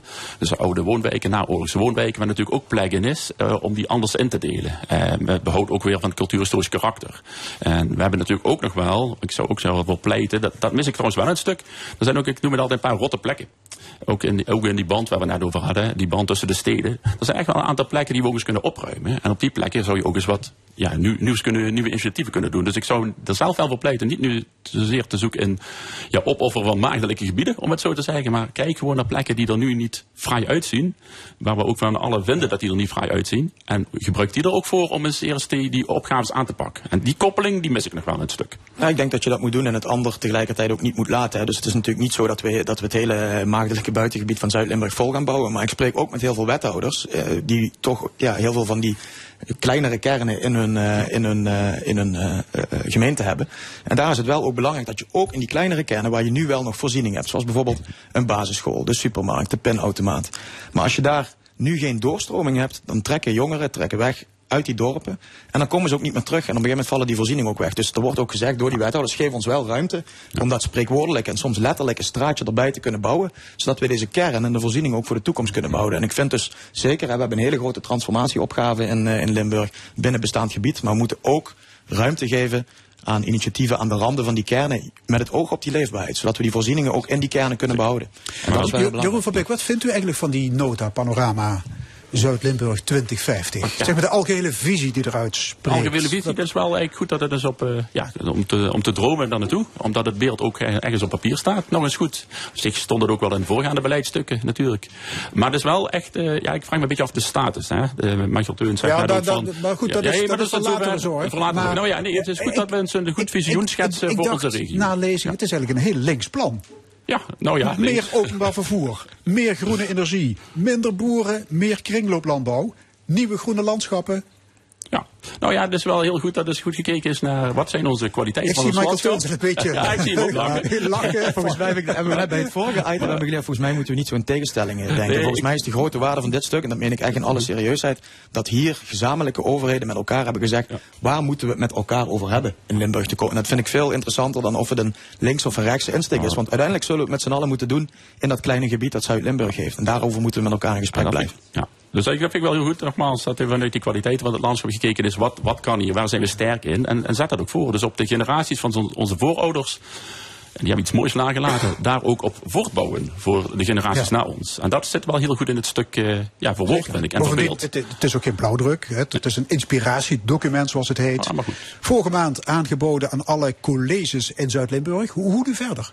Eh, ja, het is aangeboden namens het een heel bestuurlijk kernenoverleg. Dat is ook een overleg van, eh, ja, van overheden wat formeel geen enkele status heeft. We hebben dat aangeboden gezamenlijk aan alle colleges. En die gaan nu met de gemeenteraden in gesprek in de regio. En daar zullen uiteindelijk zullen daar ook gewoon de Limburgers natuurlijk bij betrokken moeten worden. Want dat is het gebied van ons allemaal. Zeker. Hey, bestuurders doen meestal aan korte termijn politiek. Hè? U bent gedeputeerd, u zit er voor vier jaar. Dit gaat over de toekomst. Gemotiveerd genoeg om, om hier, eh, om zich hier druk over te maken? Absoluut, want ik denk dat juist de les is van de afgelopen paar jaar dat we ons veel te weinig over de lange termijn druk hebben gemaakt. En dat we daar nu eh, op allerlei terreinen, dat we daar de negatieve vruchten van aan het plukken zijn. En dat moeten we keren. Dus maar we Provinciale. Staten wordt u afgerekend op uw daden van nu. Ja, maar ik denk dat dit nou juist heel belangrijk is voor de toekomst. En daar wil ik graag op afgerekend worden. En daar sta ik voor. En dat we dan de resultaten pas op de lange termijn plukken, ja, dat, dat zij dan misschien zo. Ja, ik, ik kan er niks meer aan toevoegen. Ik ben het er eigenlijk helemaal mee eens met eh, wat de gedeputeerde zegt. Dus het is, eh, ja, het wordt wordt tijd dat het zo eh, behandeld werd, het landschap. Dus ik ben er blij mee. We blijven het volgen. Hartelijk dank, gedeputeerde Michael Teuns en landschapsarchitect Jeroen Verbeek. Graag gedaan. En dit is de stemming elke zondag van 11 tot 1 op L1 Radio over politiek, cultuur en samenleving. Na half 12 schuift het opiniepanel aan om het nieuws van de week door te nemen. Rezi Kalmers is er met haar column, maar eerst Didi Warwick met You're No Good.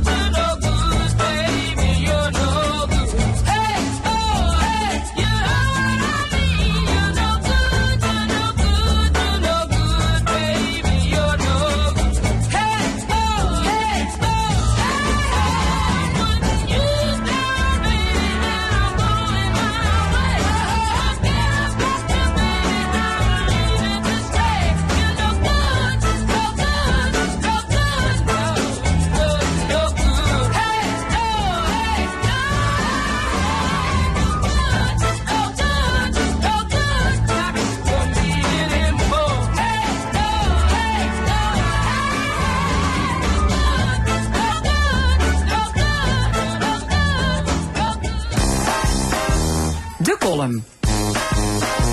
Vandaag met Rezi Kouwmans.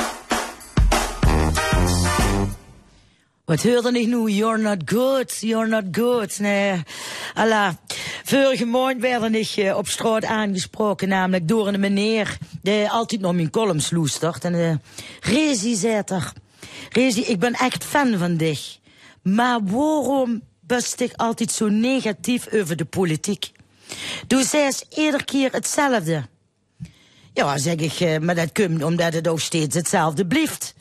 Er verandert gewoon niks. Mijn collega in de raad is al murf geslagen en die zei al bijna helemaal niks meer. Maar ik, ik blijf dapper me herhalen in de hoop dat het ooit gaat uitmaakt. Ik ben het namelijk zo zat, die mentaliteit, dat van ja, met voortschrijdend inzicht besef ik dat ik niet zo handig gehandeld heb. Oftewel, in gewoon plat gezag, achteraf bekeken ben ik gewoon stom geweest. Voortschrijdend inzicht. Du zou toch hopen dat het inzicht er al van tevoren is. Maar mogen de mensen geen fouten maken? Natuurlijk wel. Maar van fouten moesten leren. En op de eerste plaats beseffen dat ze het fout hebben gedaan. En daar ontbreekt dus helaas aan.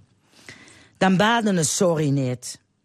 Als je zo overtuigd bent van je eigen waarheid, is het moeilijk discussiëren. In geval van een burenruzie over pakken ze een gewoon willekeurig voorbeeld, een tuinhuisje, zou ze de rijdende rechter kunnen inschakelen. Die komt dan met zijn cameraploeg, Door een vermakelijk televisieavond en over. Kies wel of niet partij. Zeg het tegen een. Ma, ma, ma, wat zijn die een neuzel. Hoe maken die zich druk over? Hoe geiden de godsnaam om? En uiteindelijk duidt meester Visser dan een onafhankelijke uitspraak. En daar moet je het mee doen. Punt. Echter in het geval van een burenruzie tussen twee lijn over een stuk lunch, waar in 1947 door de Verenigde Naties een onafhankelijke uitspraak is gedaan van dat stukje is van en dat stukje is van dich. Daar komt geen punch. En dan ontbreken mich te woord. Dan is alles wat ze zegt al veel te veel gezag. En dan is zelfs nog voortschrijdend inzicht veel en veel te laat. De column was dat van Rezi Komans. Aangeschoven hier in de studio van L1 is het discussiepanel. Op de agenda vandaag overschot aan kerkgebouwen. Arriva opgekocht door een durfinvesteerder. Hoe plat zijn de oktoberfeesten en het verkiezingscongres van D66? Ik heet van harte welkom ondernemer Nele Valkeneers, journalist Monique Parren en publicist Armand Leenaars. We beginnen met de kerken, want de kerkbesturen in Limburg die moeten gaan nadenken hoeveel kerkgebouwen ze nog in gebruik willen houden. Dat is een eh, opdracht van het bisdom Roermond. Eh, dat bisdom heeft alle parochiefederaties gevraagd om een lange termijnvisie op te stellen en te kijken welke kerken er wel en niet open kunnen blijven. Ehm, wat denken jullie? Gaat dit een, eh, een kaalslag worden de komende jaren in het kerkenbestand in Limburg? Meneer dat, Parre? dat denk ik wel. Ik denk dat het heel goed is dat eh, de parochies nu zelf gaan kijken naar eh, wat ze willen en wat ze kunnen en moeten. Nou ja, goed, en ik denk verder dat eh, we niet heel erg eh, rigide moeten zijn in de manieren waarop je die kerkgebouwen eh, in zou kunnen zetten eh, voor andere dingen. Ik weet dat het bisdom er heel erg veel aan gelegen is om in ieder geval die kerkgebouwen een maatschappelijke functie te laten houden. Kan ik me alles bij voorstellen. Hè, want een kerk, ook als je die aan de eredienst onttrekt, ziet er natuurlijk nog altijd uit als een kerk. En mensen hebben daar bepaalde associaties bij. Dus ja, ik snap ook dat je daar niet alles in wil huisvesten. Maar je zou bijvoorbeeld ook eh, kunnen denken aan ja, maatschappelijke functies. Hè. Eh, maak er een kunstenaarscentrum van. eh, maak er een soort eh, samenkomstplan van voor eh, de buurt. Eh, er zijn een heleboel dingen mogelijk. Maar goed, ik denk wel dat het ook aan de maatschappij is om eh, daaraan mee te werken. Ik denk gemeente, provincie eh, zouden ook hun best eh, moeten doen om in ieder geval een zinvolle bestemming te vinden. Want nog veel erger vind ik eh, eh, dat, dat je nu ziet, in de buurt waar ik woon, zijn aantal kerken die zijn echt helemaal in verval geraakt. Daar staat een groot ijzeren hekwerk omheen.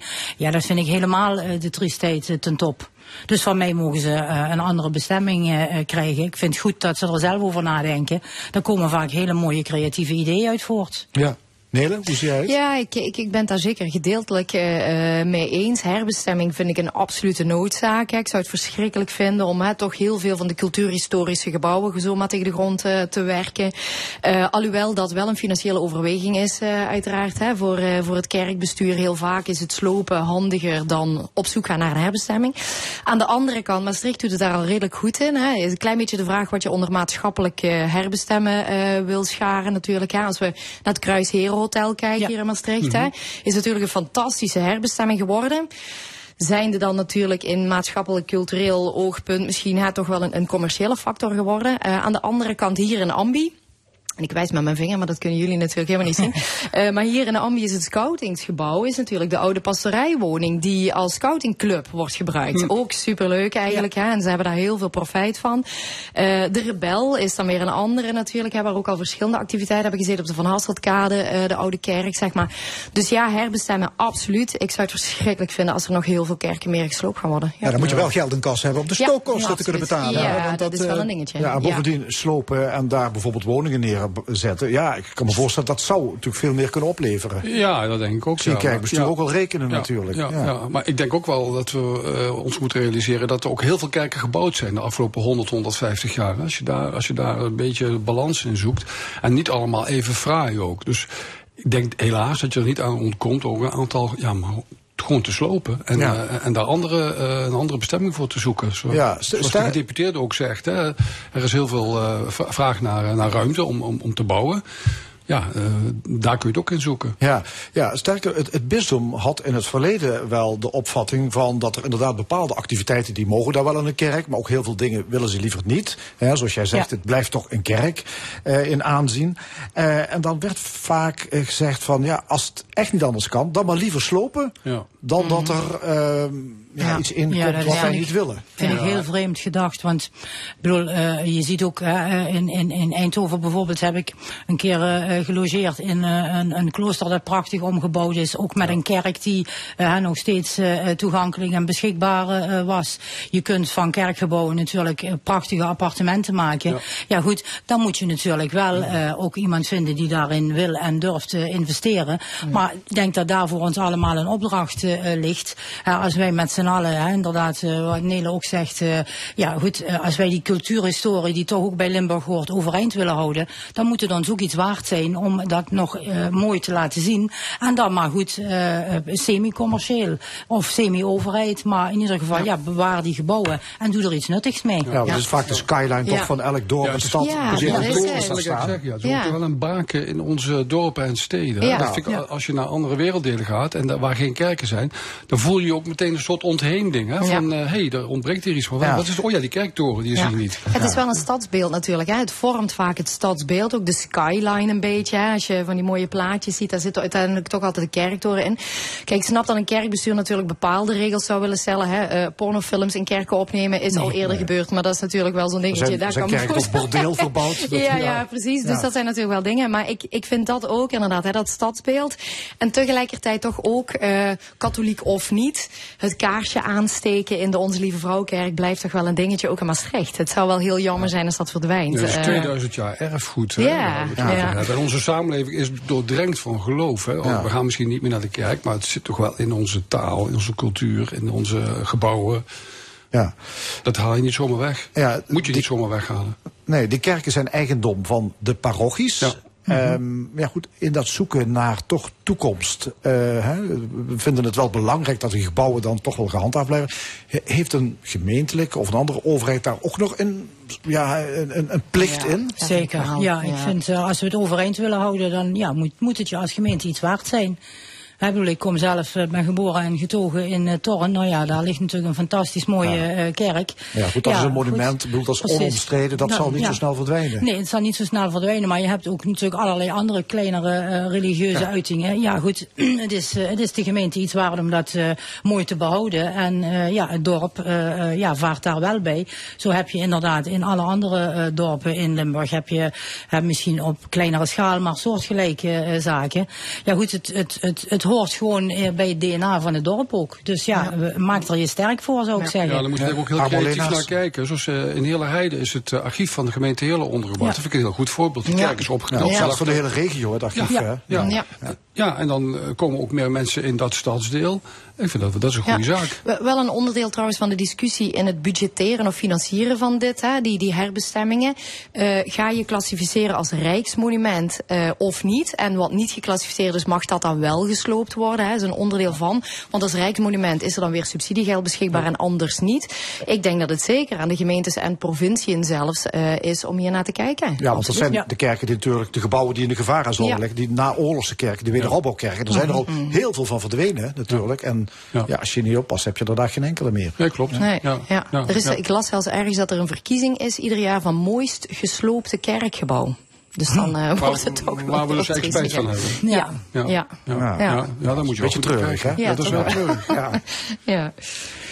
Goed, ander nieuws van deze week. Arriva wordt verkocht. Arriva verzorgt in Limburg het busvervoer en ook de stoptreinen tussen Roermond en Nijmegen en tussen Maastricht en Heerlen. Het vervoersbedrijf komt in handen van een Amerikaanse durfinvesteerder, I Squared Capital uit Miami. Ehm, politici en vakbonden zijn er niet gerust op. Jullie? Nele? Je, je kijkt naar mij inderdaad, dus eh, ik ja, pak hem meteen. Eh, mijn ondernemershart bloedt hiervan. Eh, weet je, als, als kleine MKB'er kijk je natuurlijk altijd een beetje angstig hè, naar Amerikaanse durfinvesteerders, zoals dat dan inderdaad heet. Of Chinese of, of vanuit Azië gelegen gebieden. India komt tegenwoordig ook vrij hard op. Ik vind het akelig. Hè. Vaak zijn de doelstellingen inderdaad anders. Hè. Is het meestal toch wel opkopen, zoveel mogelijk ontleden en verkoopbaar maken. En dan toch weer een ROI trekken uit wat, eh, ze geïnvesteerd hebben. Aan de andere kant, eh, als je kijkt naar de verduurzamingsplannen die deze partij op tafel heeft gelegd, Ja. is het wel heel interessant om daar misschien dan toch ook het profijt van te zien. Ik vind een hele dubbele, maar ook wel een beetje akelig. Ja, maar om dat eerst te beginnen, je zegt private equity bedrijven Ja. hebben een kwalijke Vaak reputatie. Hè? Ze Ja. worden vergeleken met een sprinkhanenplaag. Ja, precies. Maar Ze vreten alles kaal en dan, hup, dan gaan ze door naar het volgende slachtoffer. Ja. Ja, dat is de reputatie die ze hebben. En dat is ook een reputatie die niet zomaar is ontstaan. Het verleden, we hebben het gezien bij de, de Nederlandse krantenwereld, om een voorbeeld te noemen. Op veel, veel meer plekken. Bedrijven worden opgekocht, die worden volgehangen met schulden. Rendement moet eh, naar 15, 20 procent. Op alles wordt eh, gesneden, personeel, toeleveranciers. En als er dan niks meer te halen valt, dan, eh, nou, dan wordt het te koop gezet. Ik mag hopen dat het hier niet gebeurt. Dus ik denk dat we daar niet naïef in moeten zijn. Ja, Monique Parra, je werkt bij de Limburger. Jullie zijn ooit opgekocht door Micon. ook zo'n investeringsmaatschappij. En daar bewaren jullie geen goede herinneringen Nee, aan, geloof ik, hè? Zeker niet, nee, nee. Vertel maar goed, wij hebben, wij hebben wel geput uit onze eigen kracht en wij hebben ons eh, weer eh, losgemaakt eh, van Micom. Eh, wij eh, zitten nu onder, onder Mediahuis. Eh, nou ja, goed, daarin hebben wij wel eh, een, een, eh, een partner gevonden eh, ja, die, die eh, met een krantenhart, laat ik het zo maar zeggen. Want Micom was inderdaad eh, van plan om ons uit te kleden en kleiner te maken en ja, goed, daar winst mee te behalen. Maar dat is meteen toch ook, denk ik, de andere kant van de medaille die we zouden moeten bekijken. Want ehm, soms werkt dat ook niet. Hè? Het, het, het, ehm, kijk, Wat, ons, wat, wat werkt niet? nou, in ons voorbeeld bijvoorbeeld, eh, de regionale journalistiek zit natuurlijk heel erg in ons DNA. Daar zijn wij de Limburger voor. Voor de, de, de, de, de stoeptegels, maar ook het wat eh, grotere perspectief op de provincie. En bleek al heel snel dat wat Mico met ons wilde, dat dat ook überhaupt niet zou werken. En dat ze daar niet eh, rijker van zouden worden. En misschien werkt het ook zo met deze durfkapitalist. Kijk, die vaart er natuurlijk het meest wel bij. Als er heel veel reizigers die trein gaan nemen. En als wij eh, met z'n allen veel meer uit de auto komen. Kijk, nu eh, zien wij de noodzaak niet. En eh, ja, goed, we weten allemaal, het Limburgse platteland is ook niet goed bereikbaar. Deutsche Bahn heeft daar bij Arriva niet heel erg op ingezet. Ja. Nou ja, goed, als Deutsche deze... Bahn is eigenaar van Arriva. Was, precies, was de vorige eigenaar, ja. Ja, maar zal Als- deze dat wel? Deze nou ja, wel als deze, als deze slim is en als deze gewoon echt rendement op de centen wil, dan zou ik denken is de snelste manier om het, het, het goed en groen te maken. Zodat eh, ik, eh, die altijd met de auto naar Maastricht kom, eh, toch eh, liever de bus en de trein eh, neem. En ja, dan eh, kun je natuurlijk je rendement ook naar een Ja, grote misschien hebben die. Amerikanen Panorama Zuid-Limburg 2050 gelezen, want daarin staat Wie dat weet. het openbaar vervoer fors moet worden Ja. Ja. Ja. Verbeterd, Ja, en verstevigd en ik las dat, eh, geïntensiveerd. en ik las dat de reizigersvereniging Rover, eh, dat die daar wel positief Ja. over zijn. Die Ja, zeggen van, dus- ja, misschien kan deze, eh, deze eigenaar eh, de boel eh, strakker organiseren en een Ja. beter product leveren. Ja, maar Als aan de andere is. kant, openbaar vervoer is een nutsvoorziening. Eh, is niet echt een activiteit om winst mee te maken. Moet zo'n publieke taak niet terug naar de overheid?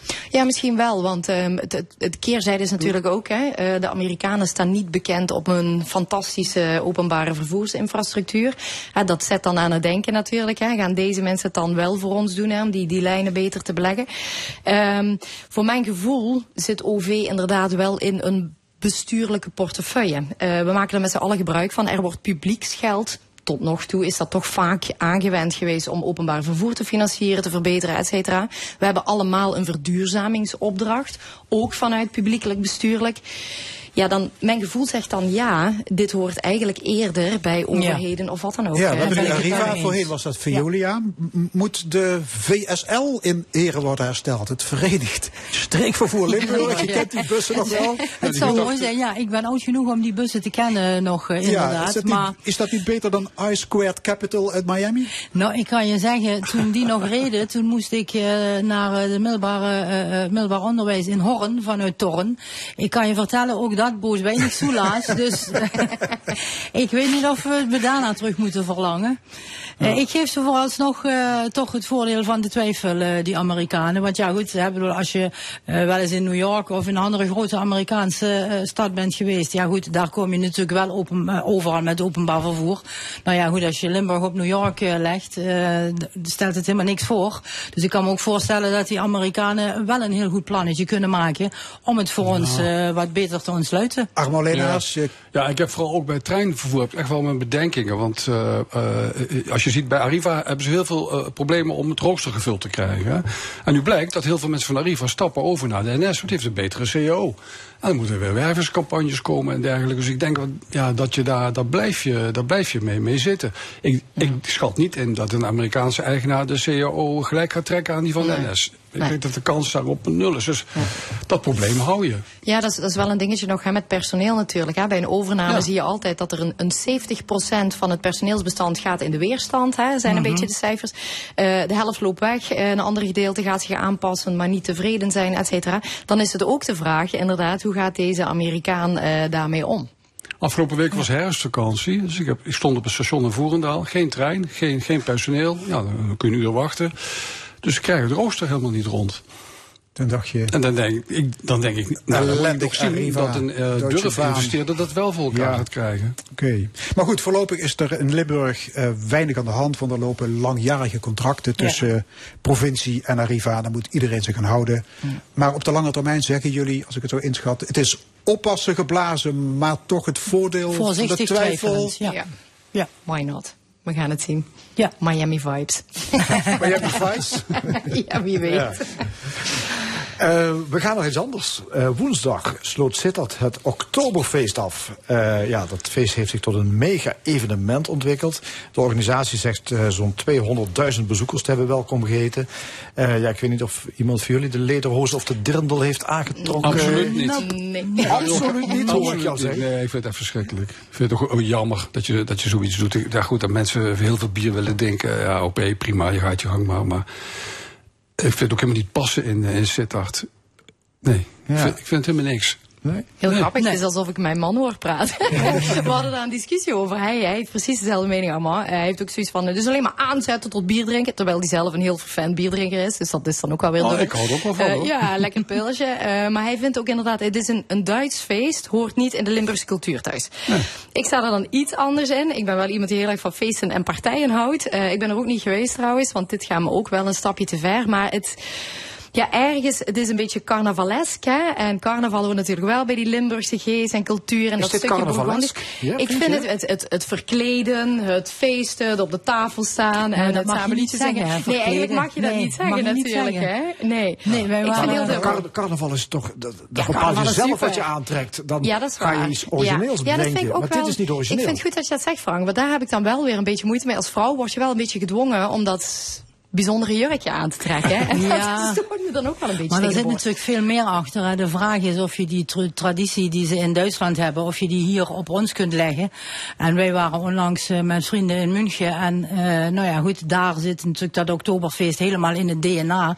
En daar heb je eh, speciale winkels waar ik me alleen al in de etalage de ogen uitgekeken heb.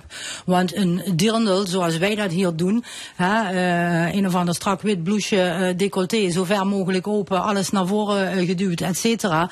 Dat is daar dus helemaal niet aan de orde. Ik bedoel, daar eh, koop je een klassieke, eh, hele mooie dirndeljurk en die kost je 2600 euro. Ik dacht dat ik stijl achterover sloeg voor die etalage. Maar dat heeft dus helemaal niks te maken Bij ons met... is het meteen weer ordinair. Precies, bij ons is het wat jij zegt in de introductie, het is meteen plat. Het heeft daar helemaal niks te maken met waarmee wij het hier allemaal eh nou ja, sterker nog, de, rol van de vrouw wordt daar puur geseksualiseerd Ja. in het uh, Oktoberfeest. Ja, ja, hier wel. En daar in, in de echte Duitse traditie is het toch eh, een ietsje anders. Maar ja. Ja. daar moet je natuurlijk heel, heel eh, die tradities goed voor, voor doorgronden. Ja. Kijk, wij brengen het naar hier, denk ik, als een soort eh, van verkapt carnavalsfeest. Ja, wa- waarom zou het zo aanslaan hier? Waarom zouden mensen... Zijn toch, ik bedoel, jullie zijn er niet geweest, jullie vinden het niet leuk. Maar ja, 200.000 andere mensen vinden het niet leuk. dat is, dat is Hoe fijn voor die mensen. Ik gun dat die Ja, mensen. Maar, maar ik denk, waarom- waarom het is een soort escapisme, denk ik. We hebben geen grote clubs meer waar je naartoe gaat om te dansen en eh, te springen. Eh, de kroegen zijn eh, uit het, uit het straatbeeld min of meer, de dorpskroegen dan, uit het straatbeeld verdwenen. Nou ja, je gaat zitten aan lange tafels met een heleboel vrienden en familie. en ja, je drinkt er een biertje bij en je luistert naar muziek. Je krijgt er ook zin in. Ja, nou ja, goed, kijk naar André Rieu. Die heeft in principe een, een, een, een, een soortgelijk effect. Daar zitten ook een heleboel mensen bij Ja. elkaar. Die luisteren naar muziek, die drinken. Dat is ook Ik- escapisme. ja. Ik denk dat het een bepaald... Ja, het is gewoon vermaak. Ja. Eh, columnist Leo Verdonschot eh, in eh, jouw krant, Ja, de Limburger, zeker. die is niet zo blij met het Oktoberfeest. Hij ook niet dus. Hij zegt met name omdat het uit Duitsland geïmporteerde Oktoberfeest de vaste lovend begint te verdringen. Oeh. Ja, Ja. goed. Waar, waar zou hij die wetenschap vandaan halen? Nou ja, ik, ik, ik denk wel ook, ook wat Monique net zegt, hè, dat escapisme. Ik vind dat wel een leuk, een beetje vluchtgedrag voor mensen natuurlijk. Hè. Bij André Rieu zal dat een andere doelgroep zijn Mhm. dan de mensen die hè, natuurlijk naar de Oktoberfest gaan. Het is een beetje een, een openluchtcafé geworden. Ja. eh, hè, waarin voornamelijk het bier natuurlijk rijkelijk vloeit. Hè. Daar gaat het in, in hoofdzaak eigenlijk om. En daarnaast natuurlijk het samen zijn met vrienden en familie. En dat is natuurlijk wat de vastelavond eh ons ook allemaal bij elkaar brengt. Eh, dat stukje samen plezier maken, ja, dat komt wel terug. En ik zou het inderdaad ook wel bijzonder jammer vinden als hè, vastelovend carnaval is, is gewoon Limburgs DNA. Ja. Eh, Ja. Iedere Ja, Brabander zou nu heel boos worden natuurlijk, maar Limburgs DNA, dat een klein beetje inderdaad toch aan de kant geschoven wordt om daar een ander soort van feest tegenover te zetten. Ja, maar, maar, ja, maar Verdonschot zegt dus, het, het, Oktoberfeest zou carnaval wel eens kunnen gaan verdringen. Terwijl ja, het is een andere periode van het jaar. Zou, zou- zou dat dan kunnen? Waar, hoezo? Waarom? Ja, ik kan, me, ik kan me niet voorstellen. Maar je ziet wel dat, eh, dat eh, zeg maar de identiteit van een regio, van een provincie, dat die onder druk staat. Hè? Want het is niet alleen de Oktoberfeesten. Straks is het ook die Black Friday Mhm.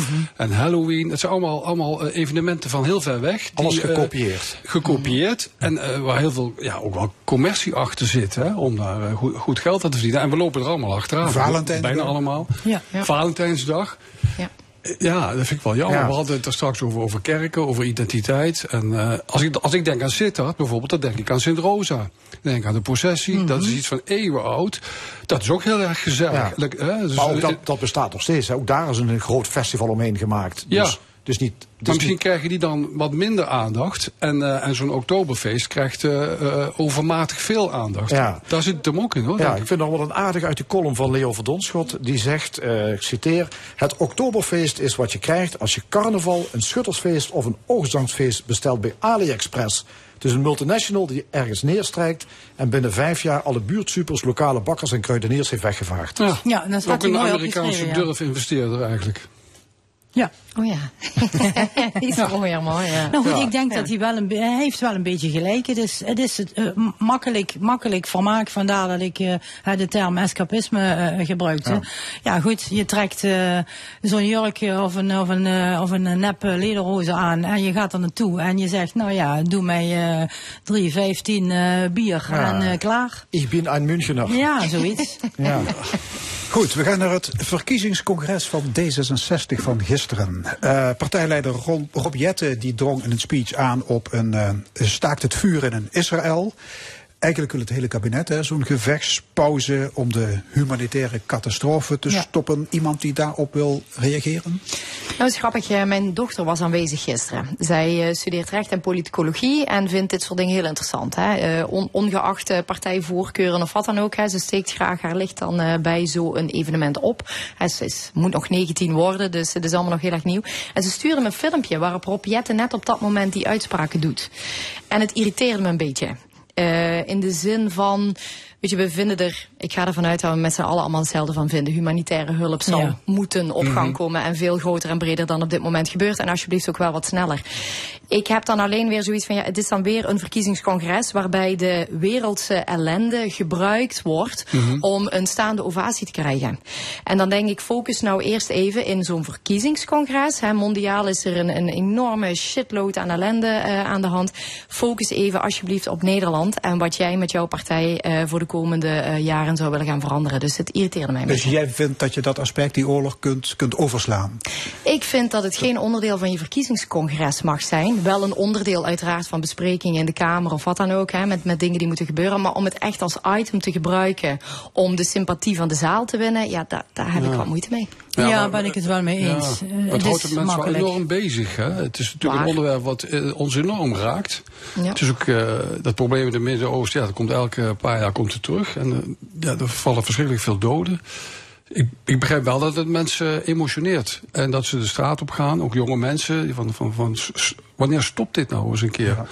En het is natuurlijk ook zo dat de Nederlandse regering, ook via de Europese Unie, invloed uit kan oefenen op het conflict. Wij, wij kunnen het een bepaalde kant op duwen. Tuurlijk, maar, Maar het, is, het, het klopt wel wat, hè, wat Nele eh, net zegt. eh, eh, D66 kan hè, nu in de huidige constellatie verder niet veel doen. Alleen eh, er aandacht voor vragen. En dan denk ik inderdaad, beperk je met dat aandacht vragen tot het podium dat je hebt. En dat is in de Tweede Kamer. En ga niet nog eens een keer eh, je verkiezingscongres daaraan ophangen. Maar maak ons duidelijk hè, wat eh, je voor ons gaat doen. eh, want 22 november moeten we naar de stembus. En heel erg veel tijd is er niet meer. Eh, we kunnen alles natuurlijk laten overschaduwen door eh, wat er daar in Israël en Gaza gebeurt. En dat is vreselijk. Maar eh, we moeten ook gewoon kijken naar hoe, kunnen wij Nederland zo sterk mogelijk maken. En dan internationaal eh, ook steun bieden en dingen aan de orde stellen. Dus Wat vinden jullie trouwens van die kritische brief van 350 ambtenaren van het ministerie van Buitenlandse Zaken? Ja. Ze vinden dat de Nederlandse regering, Ja. nou, kort gezegd, te veel de kant kiest van Israël en te weinig sympathie heeft voor Palestijnse burgerslachtoffers. Ik kan me voorstellen dat je dat zo voelt inderdaad. Want ik ben afgelopen dagen ook heel erg bij mezelf eh, te raden gegaan. Ik zag eh, op sociale media een statement van eh, de acteur Ramzi Nasser, die natuurlijk zelf Mm. eh, Palestijns bloed heeft. Dat vond ik bijzonder indrukwekkend. Hè, die zegt, nou ja, we hebben het over de Israëlische kinderen, maar niet over de Palestijnse kinderen. We Mhm. hebben het over de dromen van Israëlische mensen, maar niet over die van Palestijnse mensen. En nou ja, goed, hè, je moet je heel erg eh, proberen in dat conflict eh, te verdiepen. Dus ik vind het voor mezelf ook heel moeilijk. Hè. Ja, er heb- begint wel een kentering in te komen. Hè. Gisteren Ja. waren er een heleboel pro-Palestina-demonstraties Ja, in heel. Nederland, Ja. onder andere in Maastricht. 500 mensen op de been. Precies, Nou, ik ja. denk dat je naar het, het humanitaire moet kijken in dit conflict inderdaad. Want hè, dit, dit, in 1948 is het ooit eh, begonnen. Dat stukje is van jou, Mm. dat stukje is van mij. En sindsdien is dat eigenlijk nooit eh, echt goed geweest. Dus kijk naar wat het voor de mensen betekent. En laat die politiek nu in godsnaam een keer achter. Maar het is wel Ja, opmerkelijk. Een brief van ja. ambtenaren die Ja. zich keren tegen... Ja. Ja, ik denk dat dat best wel ongekend is, eerlijk gezegd. En zeker op het ministerie van Buitenlandse Zaken. Waar de, waar de, de ambtenaren natuurlijk eh, stellen memoranda op, eh, die geven Mhm. analyses. Maar hier mengen ze zich eigenlijk in het politieke debat.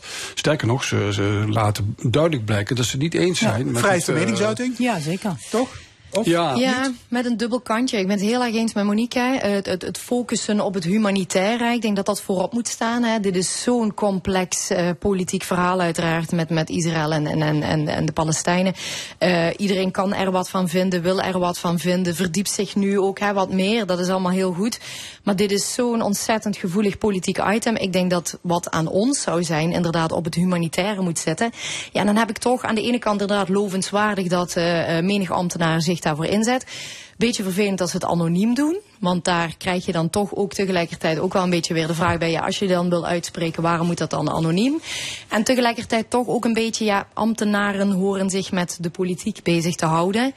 Ik weet het niet, ik vind het moeilijk. Hè. Humanitair ja, graag. Mededogen, eh, medeleven, absoluut. Maar moet dat vanuit de ambtenarij op deze manier komen? Ik weet het niet. Ja, ik zie het als een, ook wel toch als een noodkreek. En ook weer die emotie. En Ja. ik denk ook dat heel veel mensen in Nederland, zeker ook de ambtenarij, eh, van mening is dat de eerste reactie van minister-president Rutte en later ook Ursula von der Leyen, dat dat niet de goede reactie was. Ja goed, ik kan me voorstellen nogmaals dat je wel je stem wil laten horen. Natuurlijk, ja, je doet dat beter inderdaad eh, met eh, naam en, en eh, toenaam. Eh, hè, dan is je statement ook, eh, ook eh, krachtiger.